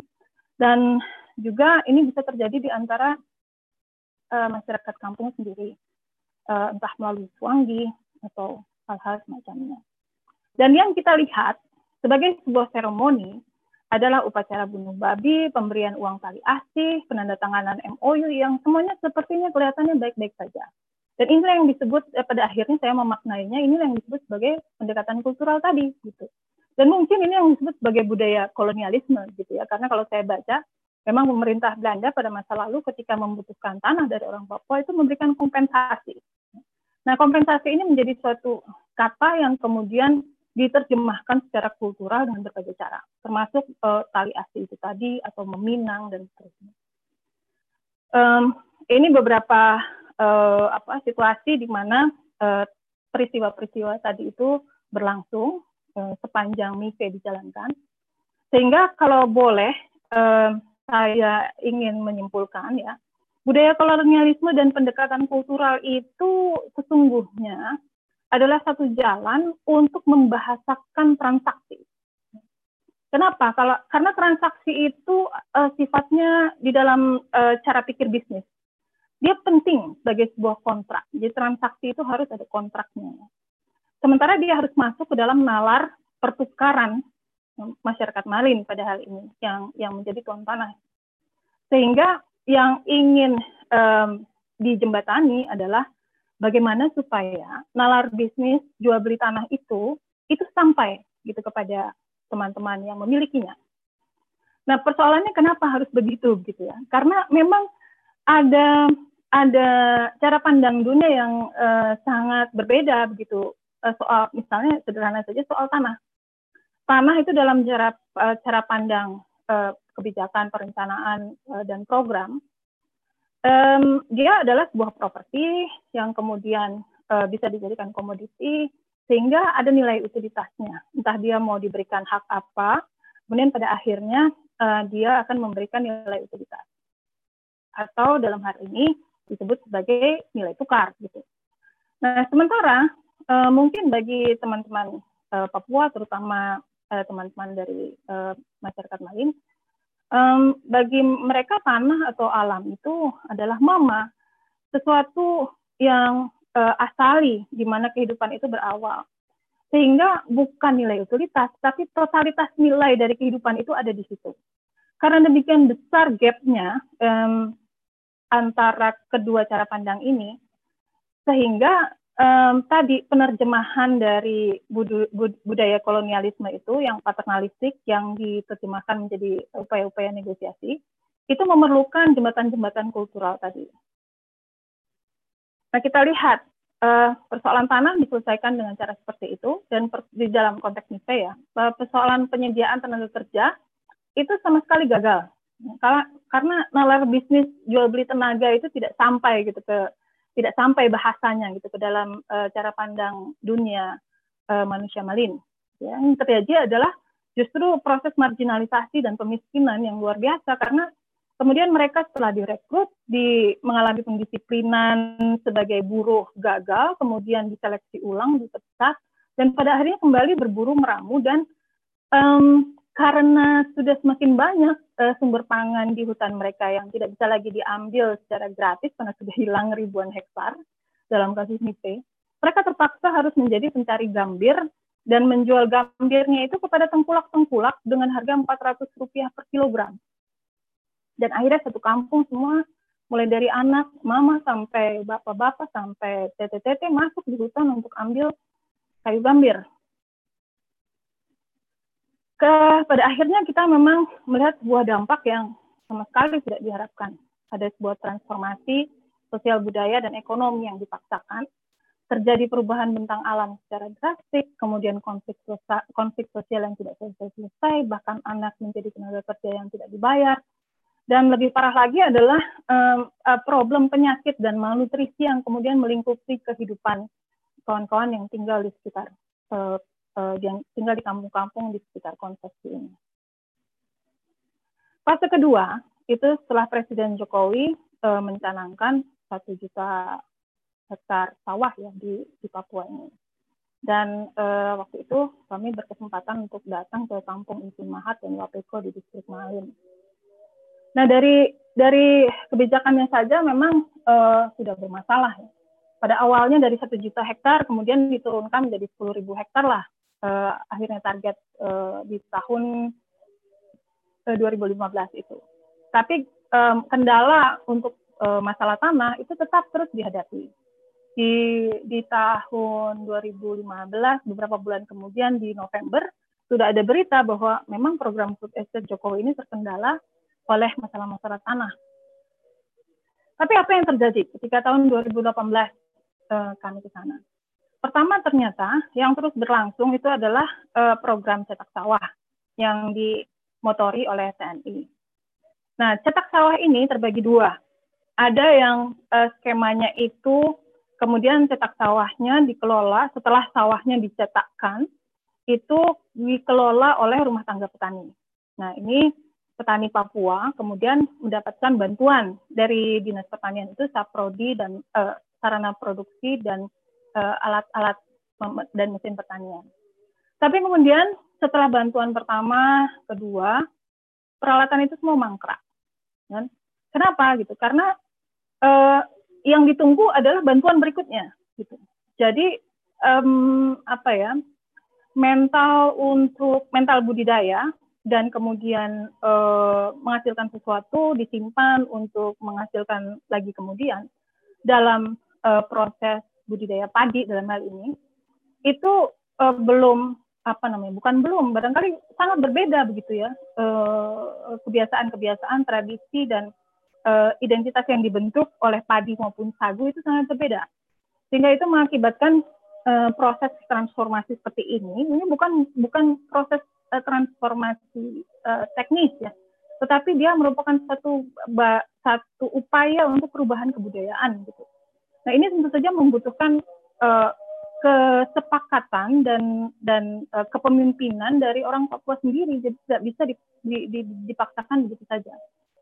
Belum lagi persoalan berikutnya, oke okay lah, uh, mereka paham bahwa ini membutuhkan modal, tidak bisa um, apa bersandar hanya kepada bantuan, karena bantuan itu hanya sampai dua atau tiga kali saja. Nah, akses terhadap permodalan itu ketika saya ketemu dengan BRI juga itu sangat diskriminatif. Jadi mereka sudah tidak percaya kalau yang datang ini orang asli Papua datang ke BRI mau ambil kredit itu langsung ditolak. Nah, ini kan satu hal yang menunjukkan bahwa ini yang belum siap ini siapa sesungguhnya. Tuh, apakah sebetulnya eh, eh, institusi-institusi uh, uh, yang mendorong untuk transformasi ini juga sudah siap atau belum? Jangan-jangan memang tidak ada yang siap untuk ini.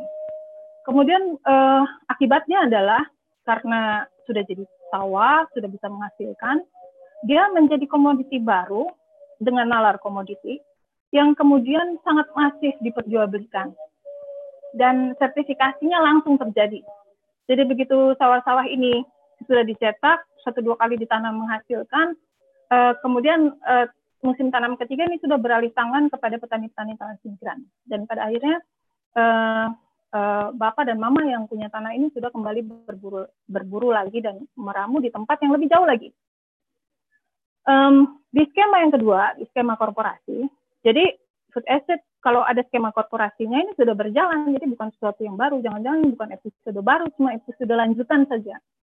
Korporasi itu sudah berperan, dan dia berperan hanya menyediakan tanah karena dia pegang izin, dan dia uh, tidak punya modal banyak, dia cuma ada tanah dengan berizin. Kemudian tanah itulah yang dicetakkan sawahnya, diberikan infrastrukturnya, ada bantuan pupuk dan alsintan dari proyek pemerintah. Nah, kemudian siapa petaninya? Petaninya itu juga petani mitra, yang disebut petani mitra ini adalah transmigran. Jadi ada pembebanan resiko-resiko eh, dan infrastruktur itu di luar korporasi itu sendiri, gitu. Sehingga pada akhirnya dalam skema bagi hasil yang untung bersih itu adalah korporasi. Nah ini ini sangat sangat apa namanya luar biasa uh, cerdiknya gitu proses entah negosiasi seperti apa. Nah sehingga dari kedua hal ini uh, kami melihat bahwa ini adalah skema-skema yang sangat diskriminatif dan rasis. Dan ini justru menegaskan diskriminasi rasial dan sesungguhnya siapa yang akan disejahterakan di dalam skema-skema yang sudah berjalan ini masih dalam pertanyaan eh, yang harus uh, punya jawaban yang yang tegas kalau mau dijalankan. Ini salah satu contoh saja um, di Ketapang food estate yang ke, uh, tidak berjalan lagi dengan skema tadi sama uh, apa perusahaan uh, tapi bedanya perusahaan tidak hanya menyediakan tanah tetapi perusahaan yang membangun infrastruktur mencetak sawah dan seterusnya itu bagi hasil dengan petani pemilik tanah pun perusahaan merugi. Jadi kalau boleh dibilang, eh, jangan-jangan ini sebetulnya proyek rugi nih, jangan eh, bukan food asset ini ya. Jadi pemerintah mau bikin proyek rugi atau bagaimana? Dan kita lihat yang untung di sana pada akhirnya ini karena pertanyaan ekonomi politik ya. Pertanyaannya siapa yang untung, siapa yang rugi. Eh, apa yang terjadi di di berbagai skema atau program itu baik Merauke Integrated Food and Energy Estate, Merauke Food Estate maupun Ketapang Food Estate itu adalah ruang-ruang di mana para broker atau para perantara itu bisa bermain dengan dengan bebas dan saya kira ini ada satu investigasi yang sudah di, di, uh, ditayangkan uh, masalah uh, tentang Korindo ya hal ini membuktikan sekali bahwa ini bukan omong kosong gitu. Ya. Karena yang dijual oleh para broker ini adalah mimpi-mimpi kemajuan. Sementara teman-teman yang ada di kampung di sekitar konsesi itu, itu betul-betul menginginkan uh, mimpi-mimpi atas kemajuan itu.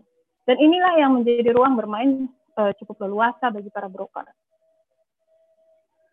Pertanyaannya tentu saja, lalu kenapa kondisi itu tidak berkonsekuensi pada transformasi sosial budaya yang menyejahterakan? Jadi kalau kita refleksikan kembali dari kelembagaan pengelolaan food estate yang sudah berjalan sejauh ini, pertama pengelolaan food estate eh, kalau saya melihat itu tidak ada ruang kalau dia dikelola korporasi untuk adanya proses integrasi sosial budaya warga setempat itu kepada ekonomi baru yang ditawarkan. Itu sama sekali tidak punya ruang, tidak tidak ketemu manis, itu tidak ada. Perubahan lanskap yang masih itu menimbulkan persoalan-persoalan ekologis yang berimplikasi kepada kesehatan masyarakat dan juga kesulitan bahan pangan. Kemudian tadi yang sudah disampaikan memunculkan ruang bagi brokering. Ini posisi masyarakat sangat dirugikan. Tapi tentu saja yang namanya menjadi broker ini selalu berada di dalam lapisan-lapisan elit yang uh, diuntungkan.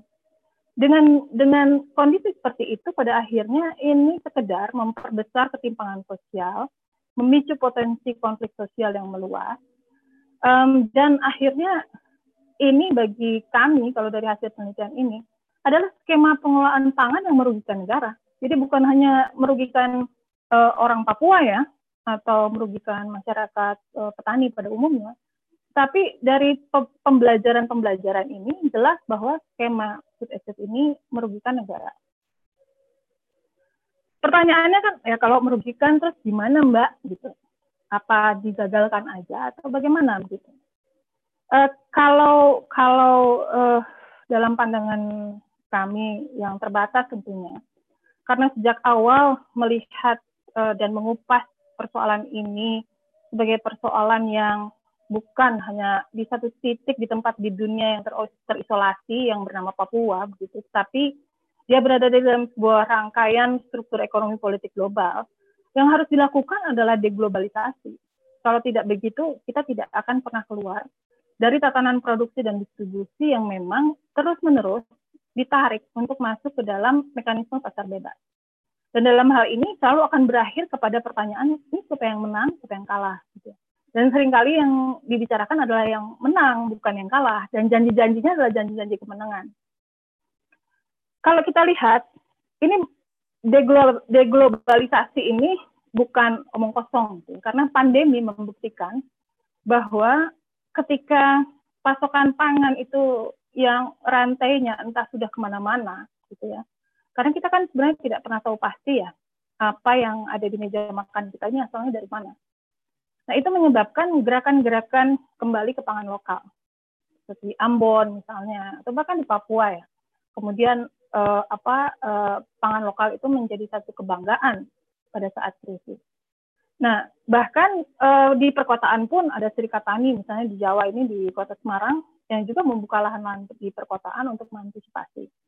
Jadi gerakan masyarakat untuk kembali ke pangan lokal itu sudah terjadi dan dia tidak omong kosong dan ini adalah sebuah proses awal dari deglobalisasi, bahwa sudah jelas um, dengan menanam sendiri atau menanam bersama uh, dari lokasi yang terdekat, kita tahu pasti makanan itu asalnya dari mana, bagaimana cara ditanamnya, kemudian berapa banyak, dan apa yang mau ditanam.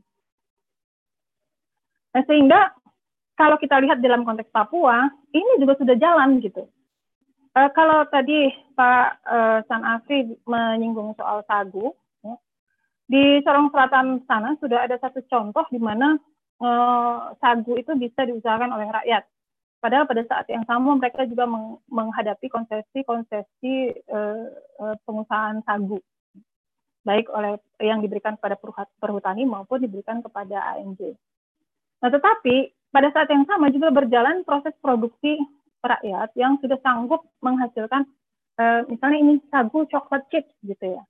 Itu kan menarik ya apa yang apa yang mungkin dilakukan dan di di lead atau di, dikendalikan oleh teman-teman di Papua sendiri. Kami mau produksi sagu, kami mau buat uh, sagu kue sagu, mau dijual di mana, mau dijual secara kolektif atau mau dijual secara sendiri.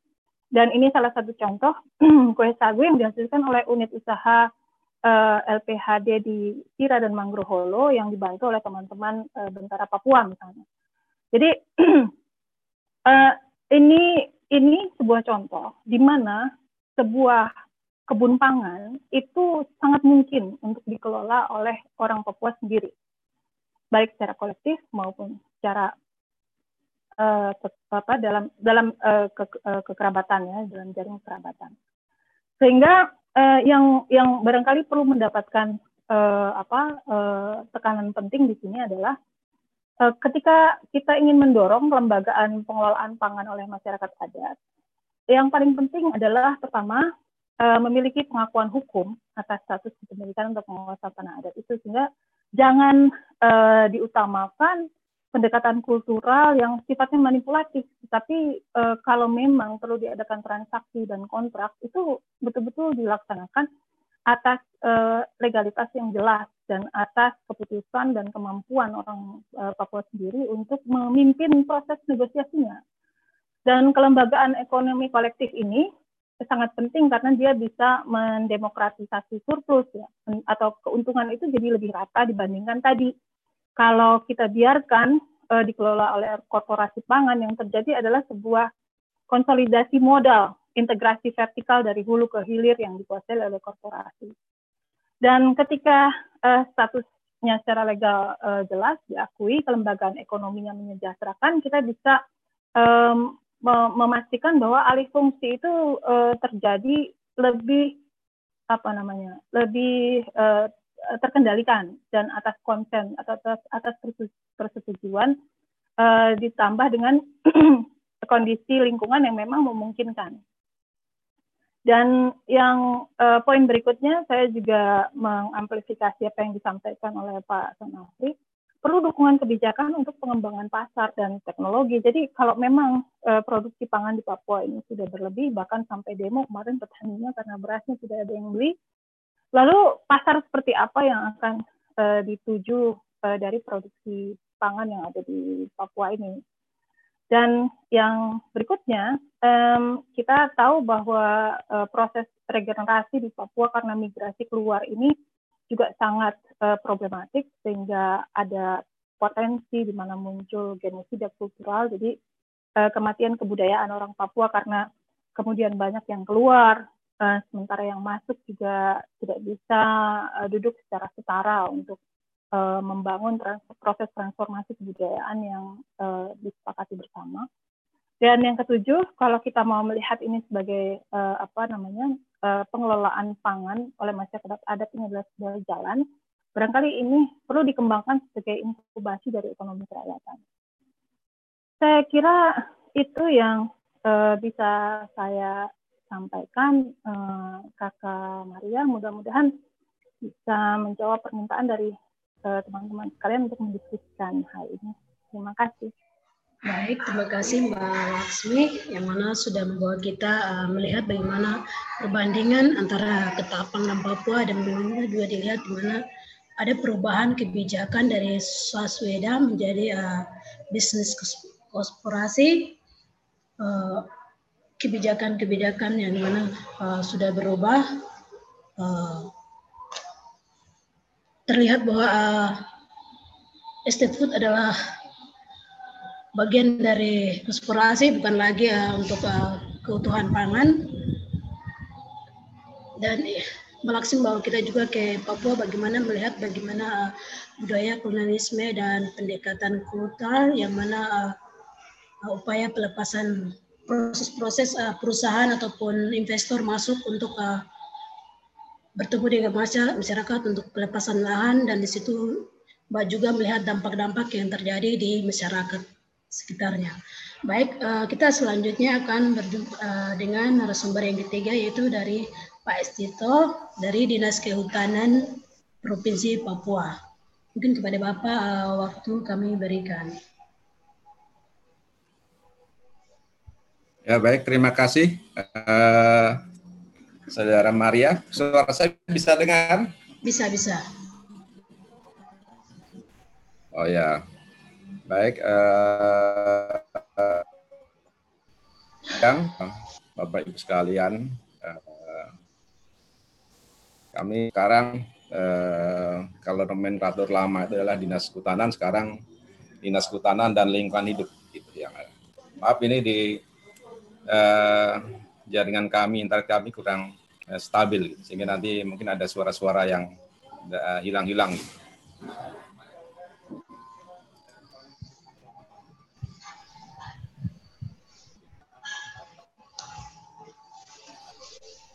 bisa kelihatan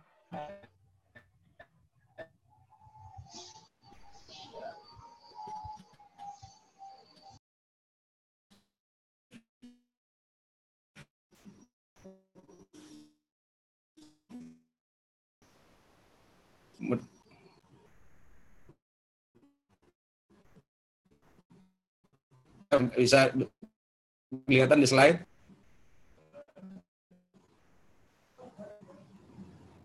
Belum kelihatan, Pak. Ya, halo.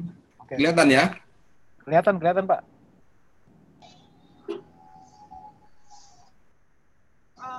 Uh,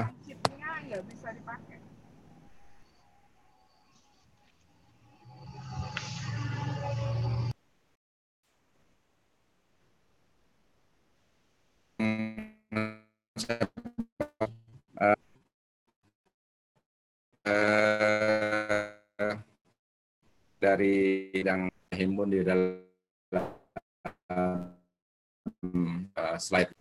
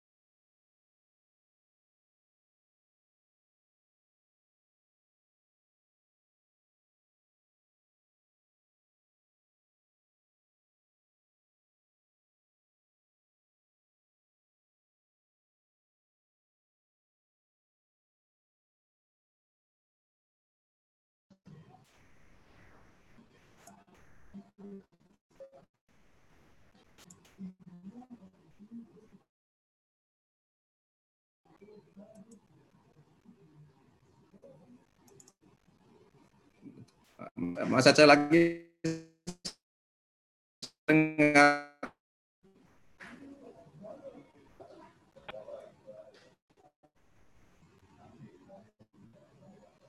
Ya ini uh,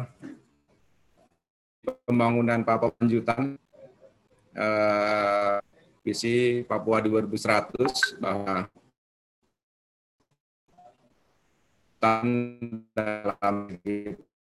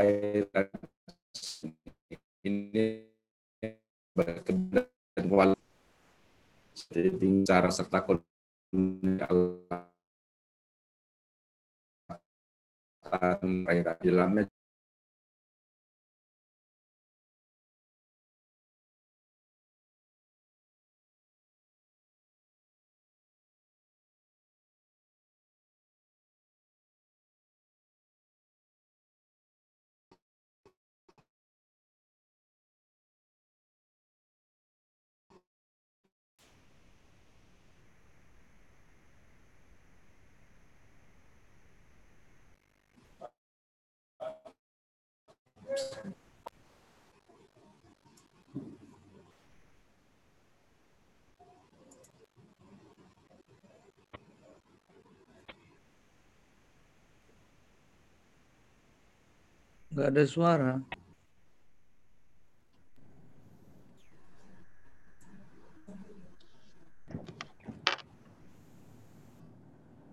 It's 12 hours. Cek, cek. Seneng. Dengar suara? Hilang suaranya. Kurang kurang jelas suaranya, Pak. Kurang jelas ya. Ini maaf uh, video mungkin saya saya Ya, videonya di off, Pak. Mungkin kalau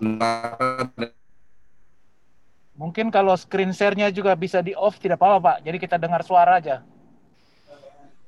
Jadi Bapak presentasinya tanpa uh, ini screen share. Nanti saya ambil alih screen share-nya bisa, Pak. Iya, ya, saya silakan silakan ambil alih screen saya silakan.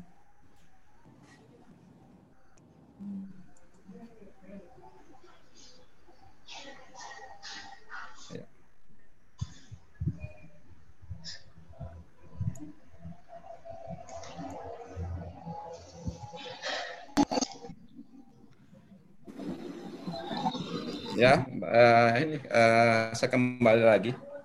Uh, terkait dengan uh, kita slide berikutnya. Halaman berikut.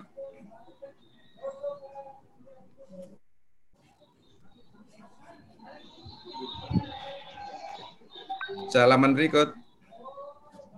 Ya ini uh, Papua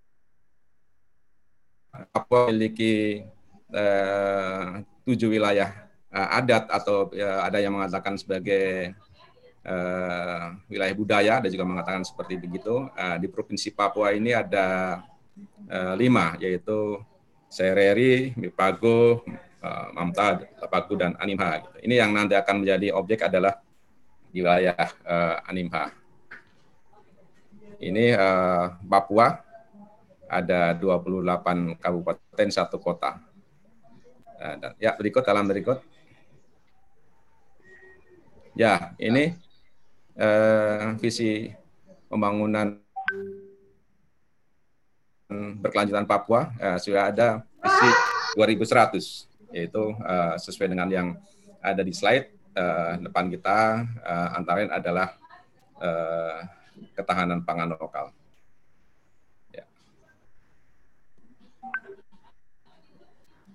Oke, berikut.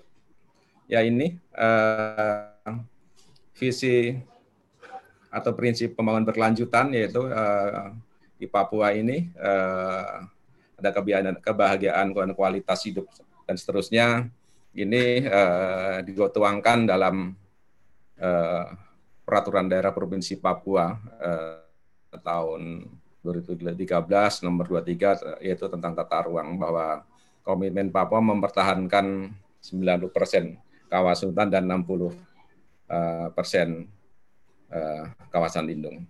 Ya berikut.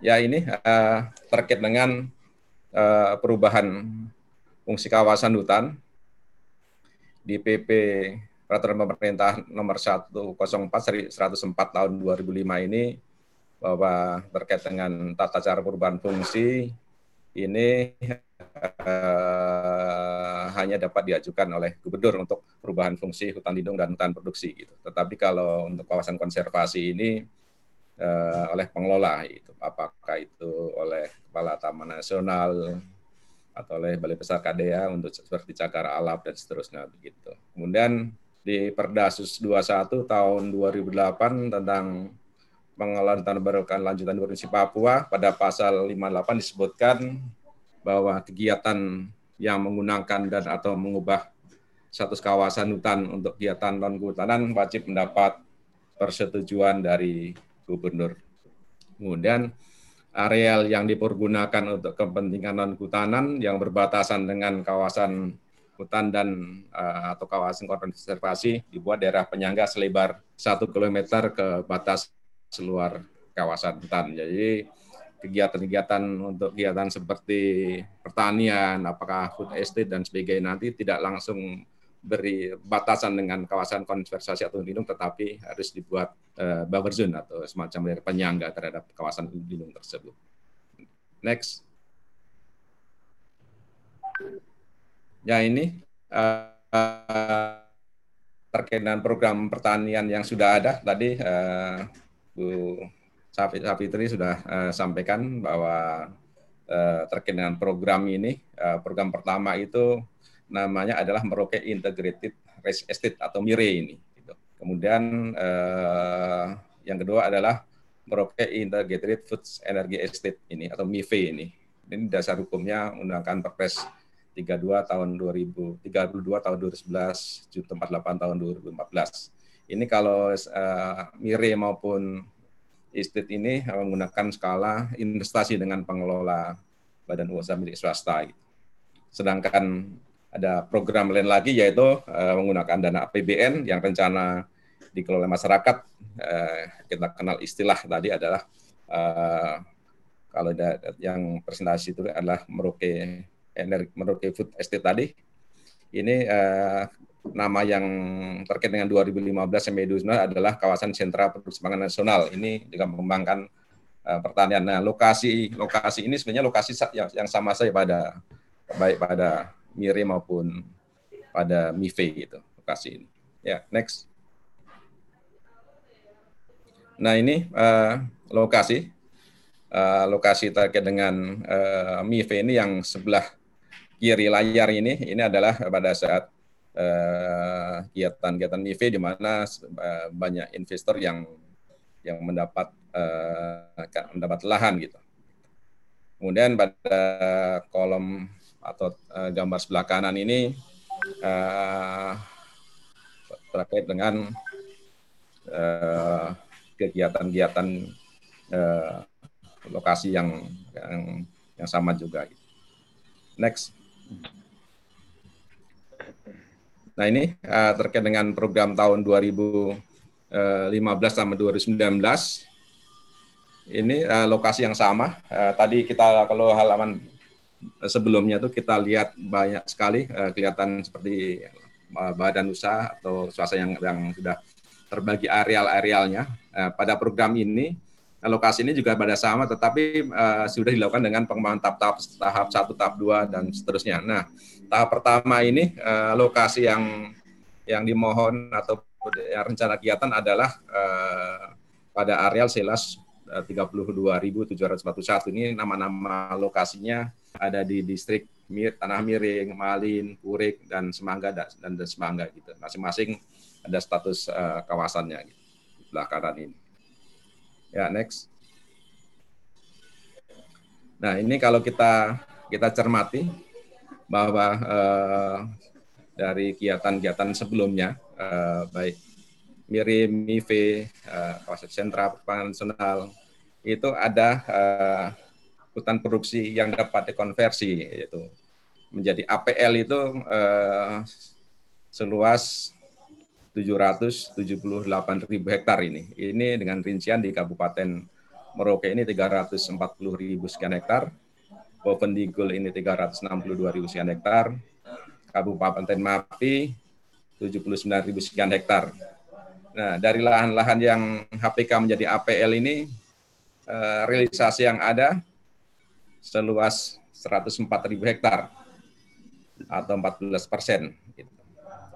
Sehingga eh, ada sekitar 626 ribu sekian hektar ini eh, belum belum dimanfaatkan. Ini eh, dari area-area ini atau lahan-lahan ini eh, ada yang sama sekali eh, 15 lokasi yang belum ada aktivitasnya itu adalah sekitar eh, 424.819 hektar ini. Kemudian pada program KS PPN tahap 1 cetak sawah ini dari yang di atas tadi rencana 32.791 hektar, realisasi tercatat uh, hanya 9.000 hektar. Next. Nah ini, ini lahan uh, terkait dengan permasalahan uh, yang yang uh, terjadi adalah putusan yang tergabung dalam YV ini umumnya uh, tidak melanjutkan proses perizinan. Tadi daftar-daftar izin tadi uh, Bu sudah sampaikan tadi ada izin lokasi, izin perkebunan, AMDAL, pelepasan kawasan dan seterusnya. Jadi banyak yang tidak melanjutkan. Kemudian melanjutkan tetapi mengembalikan ke Pemda. Ini ada ini. Kemudian melanjutkan usaha, tetapi uh, rencana uh, MIFI dulu adalah 50% tanaman pangan, dan 50% adalah tanaman energi, di dalamnya adalah uh, sawit, tapi pelaksanaan memang lebih dominan kepada uh, kelapa sawit. Nah, program KSPPN ini uh, yang kita temui di lapangan, uh, setelah memang itu menggunakan dana APBN, kemudian dikerjakan, dibuka, lahan itu dikembalikan ke masyarakat. Tetapi karena memang tadi ada budaya masyarakat yang memang belum bisa atau ter, belum terbiasa uh, melakukan kegiatan pengolahan budaya sawah, memang uh, lahan itu ada yang disewakan pada pihak lain atau lahan itu yang memang ada yang diperjualbelikan, diperjualbelikan gitu. Kemudian target dengan tipologi lahan, uh, ternyata tidak semua lahan ini sesuai dengan uh, tanaman uh, pangan gitu. Kemudian uh, tipologi mengandalkan uh, hujan. Jadi memang uh, tadi uh, paparan dari Prof. Sanafri memang kalau Papua ini dari total untuk untuk air memang cukup gitu. Tetapi sebaran uh, air atau sebaran hujan itu di Papua ini tidak merata gitu. Jadi uh, antara wilayah utara dan selatan itu di, uh, di mengatur ada pegunungan yang cukup tinggi sehingga uh, curah hujan memang dari utara itu memang di sebelah utara cukup tinggi. Sedangkan wilayah selatan sama sama selatan itu kalau kita bandingkan antara Kabupaten Mimika itu curah hujan itu bisa sama mencapai, mencapai 4.000 5.000 mm per tahun, tapi kalau di Merauke hanya sekitar 1.500 sampai 1.600 itu catatan yang ada gitu. Jadi Merauke ini adalah uh, memang uh, lebih banyak uh, kekurangan. Tapi pada saat hujan memang bisa banjir, tetapi pada musim-musim tertentu kemarau memang cukup panjang gitu. Kemudian uh, petani, ketika perluasan lahan, itu jumlah uh, petani penggarap tetap gitu sehingga uh, berdampak pada tingkat produksi lahan per hektar sehingga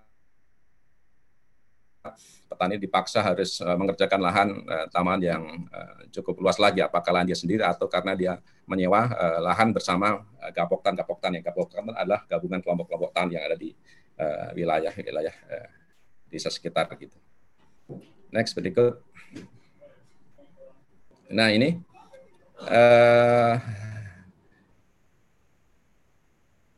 jadi uh, tadi uh, disebutkan bahwa uh, ada ada rencana ini adalah rencana uh, terkait dengan uh, wilayah ini ada sedikit ya memang untuk masalah administrasi memang uh, garis administrasi ini uh, ada yang berbeda-beda kalau kita lihat bentuknya gitu ya karena kebetulan di overlay dengan ini memang ada uh, masuk uh, Yalkimo, tetapi rencana food estate ini uh, terkait dengan proses pelepasan dan sebagainya itu adalah 2,6 juta hektar gitu, di kabupaten-kabupaten tersebut gitu. Next berikut. Nah ini uh, ini mungkin agak kita kita jelaskan bahwa uh, ada yang disebut sebagai uh, batas fungsional food estate itu yang tadi eh, paparan sebelumnya di, eh, sekitar eh, 10 juta hektar, 10 360 hektar gitu. Kemudian ada yang disebut sebagai eh, apa tuh, eh, batas area of interest atau AOI tadi, yaitu sekitar eh, 3 3,2 eh, juta hektar tadi, yaitu di wilayah-wilayah yang spasial ini, ini kita bisa bisa lihat gitu. Tetapi dari area of interest tadi, eh, catatan bahwa eh, rencana food estate yang sekian juta hektar itu semua berada di kawasan hutan gitu rencananya yang tidak berada di uh, areal penggunaan lain yang dalam dalam paparan di atas tadi itu ada sekitar masih ada ratusan ribu tadi. Itu tidak tidak masuk dalam dalam dalam catatan ini. Nanti akan kita akan coba kita tambahkan. Dari uh, area of interest food estate sekitar 3,2 juta hektar ini ini dasarnya pada uh, peta agri climate zone. Tetapi peta agri climate zone sendiri juga harus kita cermati karena uh, penyusun petanya juga masih banyak menggunakan sekunder sehingga nanti apakah ini bisa menjadikan dasar bahwa akan kita lakukan perubahan perubahan uh, fungsi berdasarkan peta agri zone tersebut. Jadi sekitar 3,2 juta hektar itu kemudian uh, di offer dengan perizinan-perizinan. Nah, setelah dikurangi dengan perizinan-perizinan itu menjadi 2,6 juta hektar atau tepatnya ini 2 juta 684 ribu hektar itu. Itu terdiri dari uh, kita offer dengan peta kawasan dan perairan itu ada HPK total itu 1,4 uh, juta hektar. Kemudian hutan produk terbatas uh, 594 ribu hektar. Kemudian hutan produksi 390 ribu hektar Kemudian hutan lindung. Hutan lindung ini adalah hutan lindung yang ada di uh, pesisir, pesisir Merauke, pesisir dari Kabupaten Mapi juga ini yang kita lihat warna hijau dan termasuk uh, hutan lindung yang ada di uh, Pulau Kimam gitu. Gitu. Jadi, jadi sekitar total uh, 2,6 juta hektar itu adalah fungsi kawasan tersebut. Jadi kalau misalkan uh, kita tambahkan adalah total dari kawasan hutan yang terkait dengan rencana food estate, uh, yaitu hutan lindung, hutan produk terbatas, HP sama HP sama APL yang tadi uh, kita yang belum dimanfaatkan itu ada sekitar uh, 3,3 juta hektar. Jadi ada ada angka 3,2 itu merupakan batas adalah merupakan batas area of interest yang kemudian kita kurangi dengan dengan area izin-izin uh, eh, HTI dan sebagainya dan dan sebagainya menjadi 2,6 tetapi 2,6 itu kalau kita tambahkan dengan APL yang sebelumnya pernah dilepas menjadi 3,1 juta hektar itu nanti uh, proyeksi bagaimana itu uh, memang harus dibuat rencana master plan-nya seperti uh, Prof. Sanati sampaikan tadi gitu. Next berikut. Ya ini uh, terkait dengan rencana uh, HUTS dengan dengan tutupan lahan uh, ada uh, next kita lihat angkanya. Nah, ini uh, kalau kita lihat angkanya ini uh, ada hutan tutupan primer. Ini uh, 527 ribu hektar. Gitu. Kemudian ada tutupan hutan sekunder, ada 610 ribu hektar. Tapi catatan bahwa hutan sekunder ini uh, berdasarkan penafsiran Citra, tetapi bahwa hutan sekunder ini bukan karena faktor bahwa lokasi itu pernah ada aktivitas, tetapi karena tipologi tutupan lahannya modelnya seperti itu gitu. Jadi sebenarnya ini kategorinya memang hutan yang eh, belum pernah eh, dibuka juga gitu. Kemudian ada eh, tutupan lahan basah ada sekitar 800 eh, seterusnya kemudian uh, sehingga totalnya sama seperti 2,6 itu gitu. ya berikut. Next. Ini kita overlay dengan uh, lahan gambut. Uh, uh, 89.000 uh, hektar. Ini data, data kita overlay dengan data uh, dari GLHK next berikut lagi ya ini uh, kita overlay dengan uh, moratorium dan primer dan lahan gambut dari 2,6 uh, eh, juta hektar itu uh, ada 972 ribu hektar itu merupakan uh, wilayah yang memang uh, moratorium. Ya berikut. Nah ini kalau kita lihat overlay dengan peta rawan banjir, maka uh, lokasi ini memang uh, rawan banjir. Tadi kita jelaskan bahwa pada musim-musim tertentu memang uh, banjir, tapi pada musim tertentu memang uh, kering. Jadi uh, potensi rawan banjir ini sebenarnya juga potensi rawan kebakaran pada saat musim musim kemarau gitu. Ya, next berikut. Next. Nah, ini uh, belum uh, belum wilayah ya wilayah ini. Jadi kalau kita wilayah-wilayah uh, tadi itu kalau kita overlay dengan uh, peta sebaran bahasa Papua, maka ini nama-nama uh, suku yang ada di, di di wilayah tersebut. Ini ya kalau di Kabupaten uh, Merauke ini ada Marin, nah, mungkin nanti bisa dikoreksi apakah nama ini benar, tapi uh, karena nama ini sumbernya dari database di peta bahasa Papua sehingga uh, saya hanya mengambil itu saja gitu. Nah, di Bovendigul ada Mandubu, Yomkomur, Pambom, Korowai, Bombay dan seterusnya. Korowai ini adalah yang paling utara dari Bovendigul itu. Kemudian Mapi, uh, ada Nohon Ayu, ada Syagayanu dan seterusnya ini. Ini adalah uh, kalau kita overlay nama-nama uh, sukunya gitu. Next. Nah ini uh, kalau kita coba uh, kaji atau di, dari atas ya, kita ramu ini maka uh, food estate ini rencana ini ada kita lihat dari sudut pandang uh, ekologi kita tempatkan di atas bahwa uh, perlu ada kajian cukup strategis. Memang sekarang ada kajian lingkungan KLHS cepat, tapi memang yang kita tahu adalah selama ini KLHS yaitu KLHS uh, kajian lingkungan strategis itu.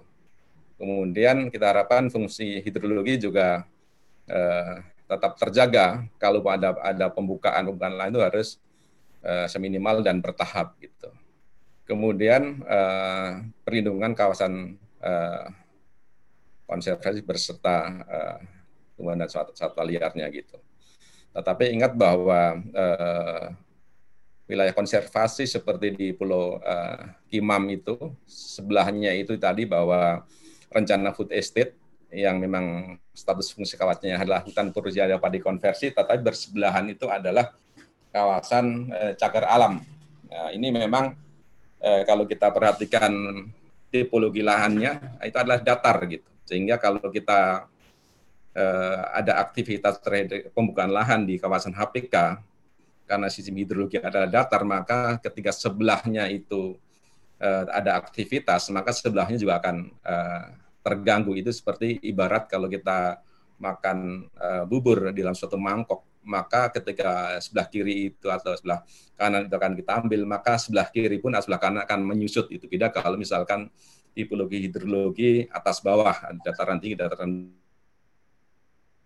rendah. Kalau ada dataran tinggi itu ada aktivitas atau perubahan bentang alam maka berpengaruh pada di bawahnya gitu. Tapi kalau di bawah itu belum tentu yang di atas walaupun pengaruhnya kan tetapi pada lokasi yang memang itu eh, sama-sama datar flat ini yang akan akan kita eh, pengaruh besar makanya kalau di Pulau Kimam itu meskipun di eh, situ disebutkan sebagai HPK tetapi eh, di dalam tata ruang itu adalah di, di jadikan sebagai kawasan lindung geologi.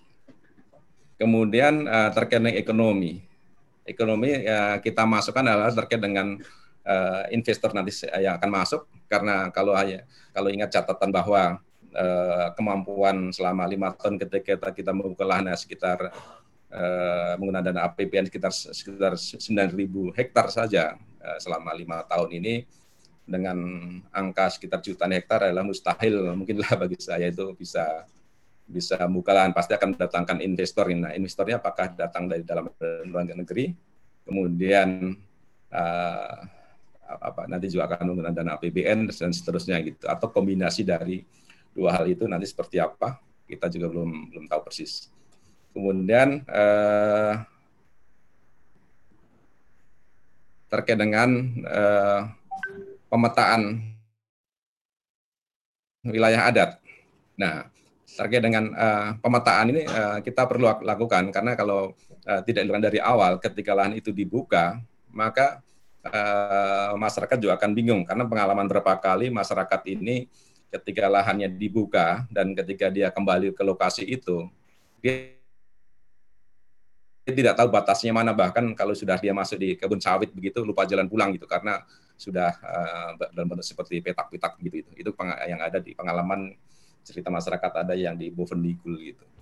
Kemudian ruang berburu atau meramu gitu. Nah, ruang berburu dan meramu ini juga harus harus harus tetap terjaga gitu. Artinya lahan itu kan tidak mesti harus semuanya itu ya, dibuka gitu. Ada ada ruang itu memang masyarakat masih terkait pada alam itu harus harus kita jaga itu. Kemudian uh, keterlibatan masyarakat adat itu bagaimana nanti? Ini adalah uh, lebih banyak pada pertanyaan-pertanyaan ke depan nanti seperti apa. Kemudian uh, kesesuaian lahan. Nah, kesesuaian lahan ini uh, tidak semua itu uh, cocok untuk tanaman tertentu gitu. Ada spot-spot tertentu memang cocok untuk tanaman uh, semusim seperti padi, tetapi ada juga sebelahnya itu kita kita lihat merupakan alang-alang saja itu. Nah ini juga juga tidak bisa ditanami apa-apa gitu, gitu, gitu. Kemudian uh, infrastruktur uh, seperti irigasi dan sebagainya pada musim-musim tertentu memang kering kerontai itu. Jadi uh, ada upaya untuk menarik air dari sungai seperti sungai Bian, sungai Kumbe dan sebagainya begitu. Tetapi ketika musim kemarau air itu menjadi payo gitu, mengandung garam. Jadi akhirnya juga tanaman tidak akan bisa bisa tumbuh hidup. Jadi stok air yang berlebihan di Papua ini sebenarnya sebarannya tidak tidak merata seperti uh, seperti yang kita kita perkirakan gitu. Kemudian ketersediaan petani. Petani ini uh, nanti siapa yang akan mengerjakan di lahan yang sekian juta hektar itu? Apakah kita datangkan itu masalah kembali juga akan ketemu masalah sosial juga nanti. Kemudian eh, tanaman lokal, ya karena sekarang juga belum ada master plan-nya sehingga kita juga belum tahu taman lokal seperti apa yang akan kita coba uh, pertahankan dan seperti apa juga. Kemudian evaluasi MIRI, MIFI, dan KSSPN itu sendiri. Karena uh, lahan yang MIRI, MIFI, KSPPN ini adalah lahan yang yang sudah kita lihat tadi ada sekitar eh, 700 ribu hektar yang dilepaskan, kemudian ada 600 ribu yang belum terkelola. Eh, kemudian kalau kita breakdown lagi ada 15 lokasi seluas 400 ribu itu yang memang belum ada aktivitasnya gitu. Itu juga harus kita evaluasi eh, sebelum kita mengubah fungsi dan seterusnya begitu. Next berikut. Nah ini kalau kita lihat uh, kumpulan dari atas tadi, maka kalau ada uh, ada kotak-kotak hijau ini, areal pelepasan APL yang berasal dari pelepasan kawasan hutan. Nah, ada ya, uh, ada sekitar 626 ribu ini yang belum terkelola, tetapi kalau murni dengan badan usahanya atau kelompoknya tersebut 426 400 24 ribu hektar. Jadi lahan ini saya pikir lebih besar dibandingkan rencana food estate yang ada di uh, Kalimantan Tengah maupun di uh, Sumatera ya. Saya pikir total ini gitu. Kemudian uh, kalau kita melihat lagi pada uh, lokasi yang uh, mau diubah fungsi yaitu food estate itu sendiri, maka kalau kita lihat ini adalah hijau. Nah, terlepas dari aspek nanti apakah kita harus memperhatikan kawasan penyangga, eh, kawasan konservasi, hutan lindung, kemudian kawasan ekosistem penting seperti Pulau Kimam dan sebagainya tadi yang masih statusnya HPK, kemudian lahan tanah religi masyarakat. Tetapi eh, ini adalah eh, sebenarnya lahan ini cukup besar ini. Kalau kita lihat areal pelepasan yang yang sudah menjadi APL murni-murni lah katakan ada 424 ribu hektar plus HPK. Kalau HPK di kolom ini Eh, bagian atas ini ada sekitar 1,4 juta hektar gitu. Jadi sebenarnya ini sudah 1,9 juta hektar sendiri gitu. Kalau kita lihat di di video tadi itu sepertinya selama 60 tahun baru sekitar 45 ribu hektar. Jadi yang harus kita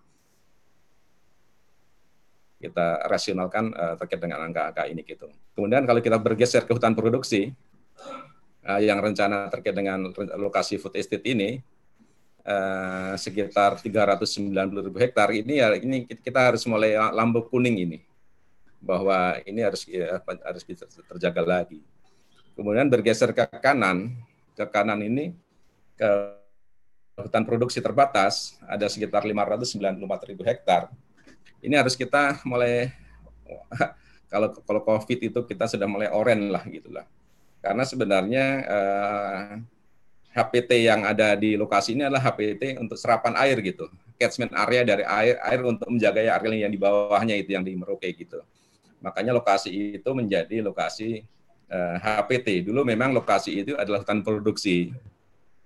Uh, tetapi karena terkait dengan daerah tangkapan air yang akan mengaliri sumber air dari Sungai Bian, Kumbi dan sebagainya itu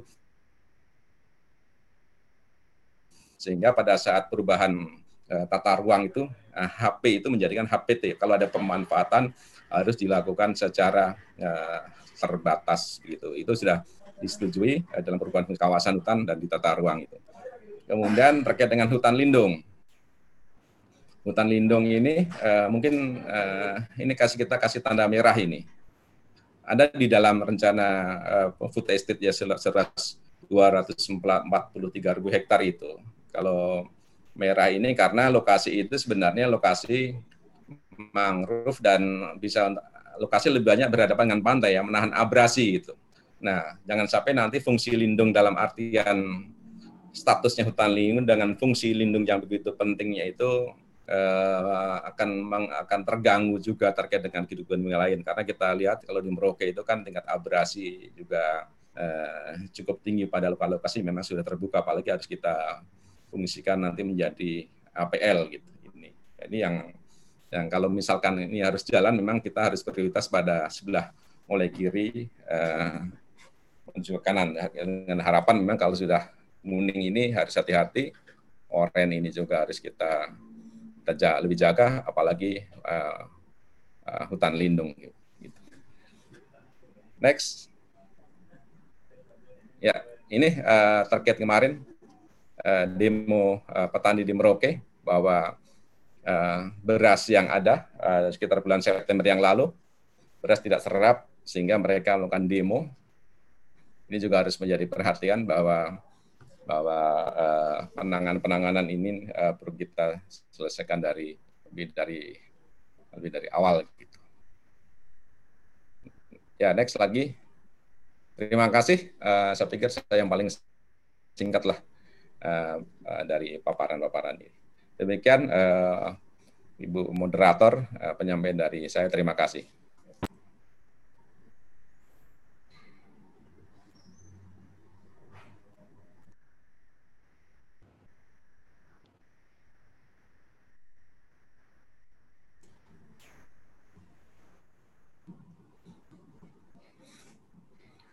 Kakak masih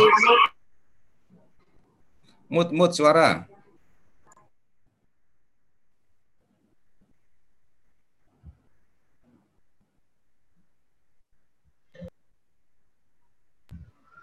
Ya, minta maaf. Terima kasih Bapak atas pemaparan materinya. Uh, mungkin kita langsung saja uh, untuk sesi tanya jawab.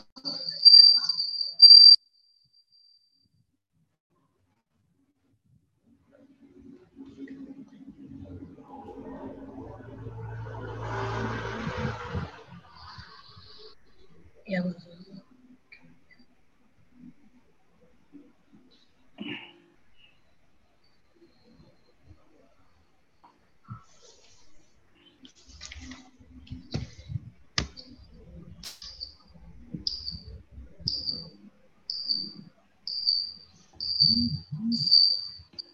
salah satu HP atau mic itu mic uh, di ini dimatikan. Salah satu mic-nya dimatikan. Oke. Hmm, Mantap mantap. Oke, da- uh, Bapak ini ada pertanyaan dari Bang Ki. Uh, Pak Isto, apakah kami bisa mendapatkan info shape tertutupan lahan?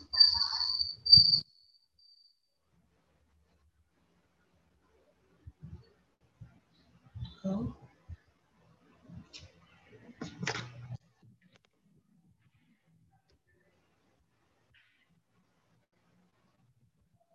Pak Istito. Baik, tidak ada. Uh, mungkin uh, ada pertanyaan da- dari saya untuk uh, Mbak Laksmi. Halo Mbak Laksmi. Halo Kakak Maria. Iya, uh, tadi uh, di pemaparan bagaimana Kakak melihat uh, bagaimana proses-proses uh, ya, penyerahan hutan kepada masyarakat yang selama ini uh, dilihat terjadi di mana juga uh, pemerintah daerah uh, misalnya seperti uh, ya yang mau maju jadi bupati ataupun DPR dan lain sebagainya mereka juga terlibat dalam uh, bekerja sama dengan perusahaan-perusahaan untuk bagaimana akhirnya proses-proses itu terjadi.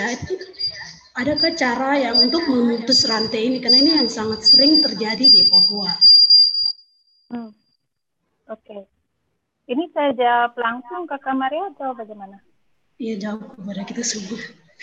Oke. Em, saya kira sepanjang eh, tanah-tanah di Papua itu eh, kemudian direncanakan sebagai eh, aloka atau dialokasikan sebagai tanah-tanah yang akan diusahakan oleh pihak luar, dia selamanya akan mengundang upaya-upaya untuk perantaraan. Jadi eh, broker-broker ini akan selalu muncul ketika eh, alokasi-alokasi tanah di Papua itu diarahkan untuk dikelola oleh orang luar. Nah, oleh sebab itu di usulan kami yang di belakang itu eh, bagaimana kalau kita lihat em, tanah-tanah di Papua ini sendiri juga dimanfaatkan oleh eh, teman-teman dari Papua Eh, dan mungkin kelembagaan ekonominya yang menjadi penting. Apakah dia koperasi atau kelembagaan ekonomi kolektif lainnya yang bisa menampung eh, proses pengelolaan eh, apa sumber daya alam ataupun apa pun yang mau dikelola di atas tanah tersebut. Jadi barangkali akar persoalannya adalah ketika muncul upaya-upaya untuk uh, menjadikan tanah sebagai komoditi, pada saat itulah broker akan muncul. Jadi kalau misalnya uh, memang tanah-tanah Papua ini mau diusahakan sesuai dengan uh, keinginan masyarakat di Papua, itu pertanyaan utamanya kan karena kan tanah-tanah di Papua ini sudah ada pemiliknya semua, toh. Nah, eh, sebetulnya kan barangkali yang ingin diupayakan itu adalah bagaimana supaya duduk bersama dan bisa direncanakan bersama kita mau bikin apa di tanah ini gitu dengan uh, apa dengan orientasi-orientasi yang memberikan keuntungan bagi masyarakat pemilik tanah gitu. Nah dengan begitu kan tidak perlu ada pindah alih kepemilikan atau pindah alih penguasaan tanah. Nah kalau ada pindah alih penguasaan tanah di situ biasanya selalu dibutuhkan perantara. Nah itu yang uh, menjadi akar dari munculnya uh, para broker begitu. Mungkin begitu Kak Maria, mudah-mudahan bisa menjawab. Baik. Ini ada pertanyaan dari Agus. Uh, bagaimana pandangan Bapak, uh, mungkin kepada Bapak Sito, bagaimana pandangan Bapak mengenai Permen LKH nomor 24 tahun 2020 memperbolehkan kawasan hutan lindung diubah menjadi lahan food estate. Oh ya ya baik. Suara saya bisa dengar? Bisa. Pak, dengar. Oh ya maaf ini suara saya, ini jaringan tempat saya agak uh, jelas Pak suaranya. Uh, menurut saya uh, kawasan hutan lindung ini yang di lokasi ini uh, sebaiknya kita uh, jaga, jangan kita uh, ganggu gitu karena uh, status atau fungsi menurut uh, fungsinya sebagai hutan lindung ini uh, uh, tidak sekedar hanya catatan bahwa itu warnanya hijau, tetapi fungsi bahwa dia sebagai perlindungan, pengatur tata air, mencegah banjir, mencegah abrasi dan sebagainya itu harus kita uh, kita kita kita jaga gitu dalam konteks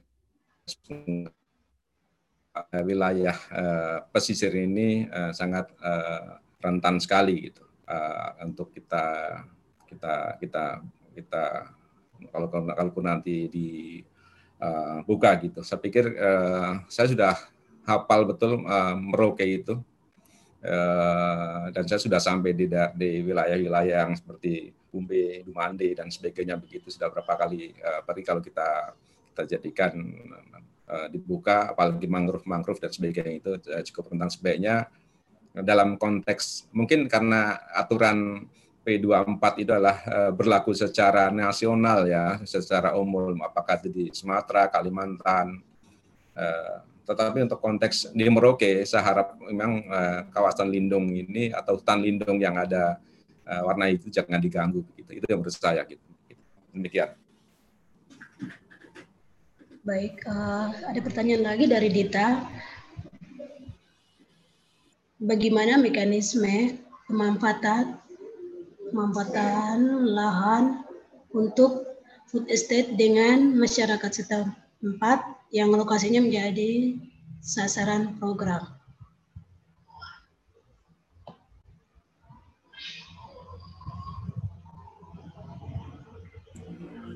Mungkin kepada Bapak itu.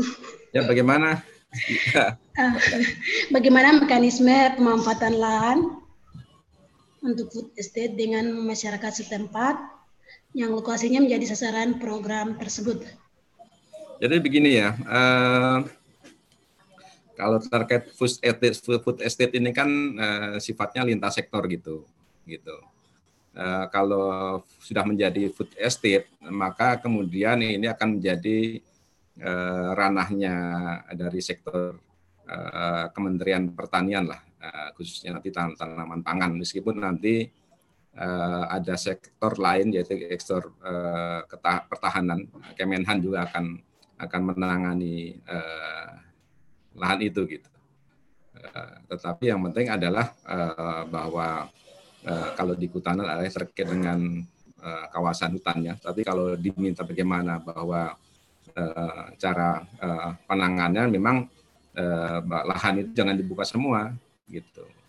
Jangan dibuka semua.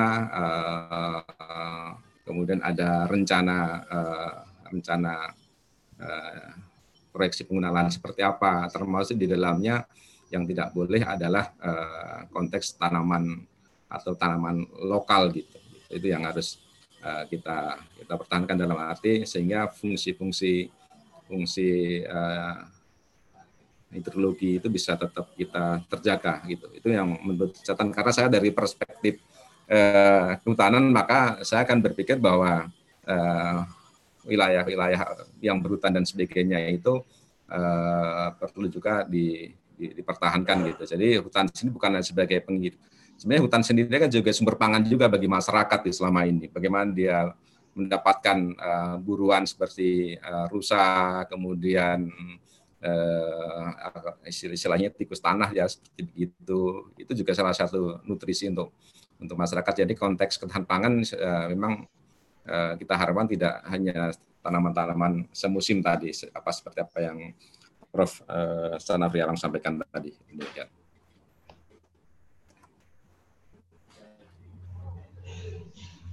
Baik, uh, ini ada di Animals untuk dan maupun BCLS, BCLS ha, harus jelas sharing benefitnya khusus masyarakat Papua asli Papua sehingga gap tidak makin melebar dan tidak menimbulkan kecemburuan sosial antara OAP dan non-OAP. Membangun ketahanan pangan di Papua, jangan melupakan sagu. Jadikan sagu sebagai komoditas budaya dan menjadi produk turunannya dan perbaikilah tata kelola manajemen produktivitas dan pasar. Uh, mungkin um, tanggapan dari Kakak Laksmi. Uh, ya, Kakak Maria. Saya pikir ini usulan ya. yang sangat bagus ya, saya setuju dengan ini karena apa yang sudah di uh, ya, yang yang baru saya tahu ya mungkin di tempat-tempat lain juga sudah ada apa yang sudah dimulai di Sorong Selatan itu dengan teman-teman di sana yang sudah menghasilkan produk kue sagu yang tadi saya sampaikan itu mereka sudah olah sendiri. Jadi dari uh, apa uh, tepung sagu basah menjadi tepung sagu kering, kemudian menjadi kue, kemudian dipasarkan uh, ada dua tempat, satu di uh, Raja Ampat, satu di hutan hutan wisata di daerah Sorong Selatan. Jadi uh, inisiatif dari masyarakat sudah ada. Dan mungkin ini menjadi contoh bagaimana eh, sebetulnya sagu itu, karena dia memang sumber dayanya eh, melimpah ya, dan sangat mungkin untuk dibudidayakan dan teman-teman Papua sendiri pasti sudah tahu tahu betul mana jenis-jenis sagu yang baik, yang berpati banyak, kemudian mana yang bisa dibudidayakan dengan mudah, yang sehingga usahanya bisa berkelanjutan. Uh, itu adalah uh, saya sih setuju saja uh, kakak Maria dengan itu dan mungkin itu satu satu apa uh, pertimbangan yang harus di garis bawahi betul. Uh, jangan sampai nanti um, justru malah sagunya hilang. Nah itu yang meskipun ya meskipun uh, konsumsi sagu di di tanah Papua sendiri kan sudah uh, banyak berubah ya Eh, tetapi di beberapa tempat di mana akses terhadap beras itu menjadi mahal atau sangat sulit, itu masih sangat bermakna untuk memiliki akses terhadap hutan sagu dan memiliki pengetahuan untuk mengelola sagu. Sehingga saya mendukung itu. Begitu Kakak Maria. Terima kasih.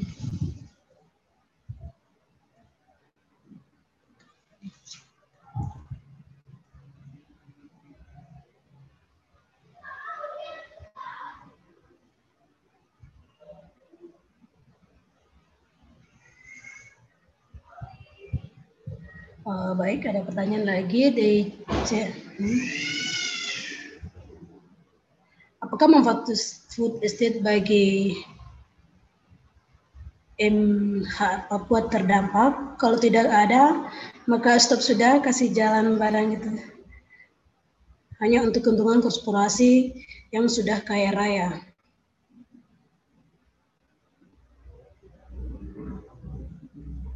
apakah food state uh, apakah food state ini penting untuk didorong di Papua? Nah, mungkin kepada Bapak Safari dan juga Kak Laksmi. Baik ya. ya. Ini Mbak Maria, bisa saya komen? Baik, baik Bapak, silakan. Ini begini, kita itu pertama jangan juga melampaui kewenangan. Bahwa tadi saya katakan 3,2 juta hektar itu batas ekologis. Maksudnya batas ekologis adalah satu wilayah yang dideliniasi yang wilayah itu bisa mempengaruhi sumber-sumber pangan, maaf, sumber-sumber air, untuk konsentrasi food estate area. Jadi saya yakin sekali tidak akan sampai 3,2 juta hektar, apalagi 2,9 enggak. Saya enggak yakin. Belum tentu 100 ribu pun dapat itu. Saya pun mengikuti perjalanan MIFE yang katanya sekian juta, sekian juta. Enggak realisasinya nggak ada. Saya ngikuti juga yang yang kemarin itu yang katanya minta satu juta cuma dapat sepuluh ribu dan terakhir juga mendapat tiga tiga ribu hektar saja katanya. Jadi antara rencana dengan realisasi itu dua hal yang berbeda. Kalau nggak serius. Apalagi, apalagi tadi ada pandangan politik global. Tapi begini, politik global itu harus dijadikan kesempatan juga. Jangan dijadikan sebuah ketakutan. Indonesia punya politik bebas aktif juga.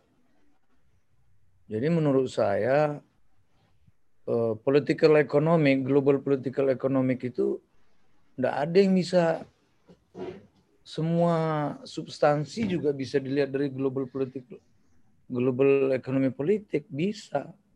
Tapi ingat dulu bahwa kita ini ingin jadi negara besar atau ingin jadi negara kecil. Kalau ingin jadi negara besar ya kita bermain dengan segala macam dunia.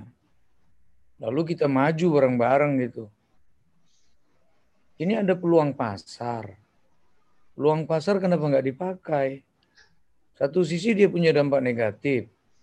Dampak negatifnya kita beresin Rakyat yang nggak kuat kita perkuat.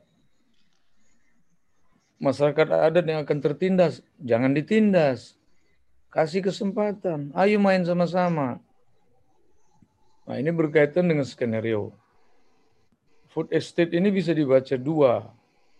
Satu dibaca yang bermain akan korporasi atau perusahaan-perusahaan besar. Itu alternatif pertama. Alternatif kedua bisa diserahkan masyarakat Papua juga food estate ini. Lalu difasilitasi.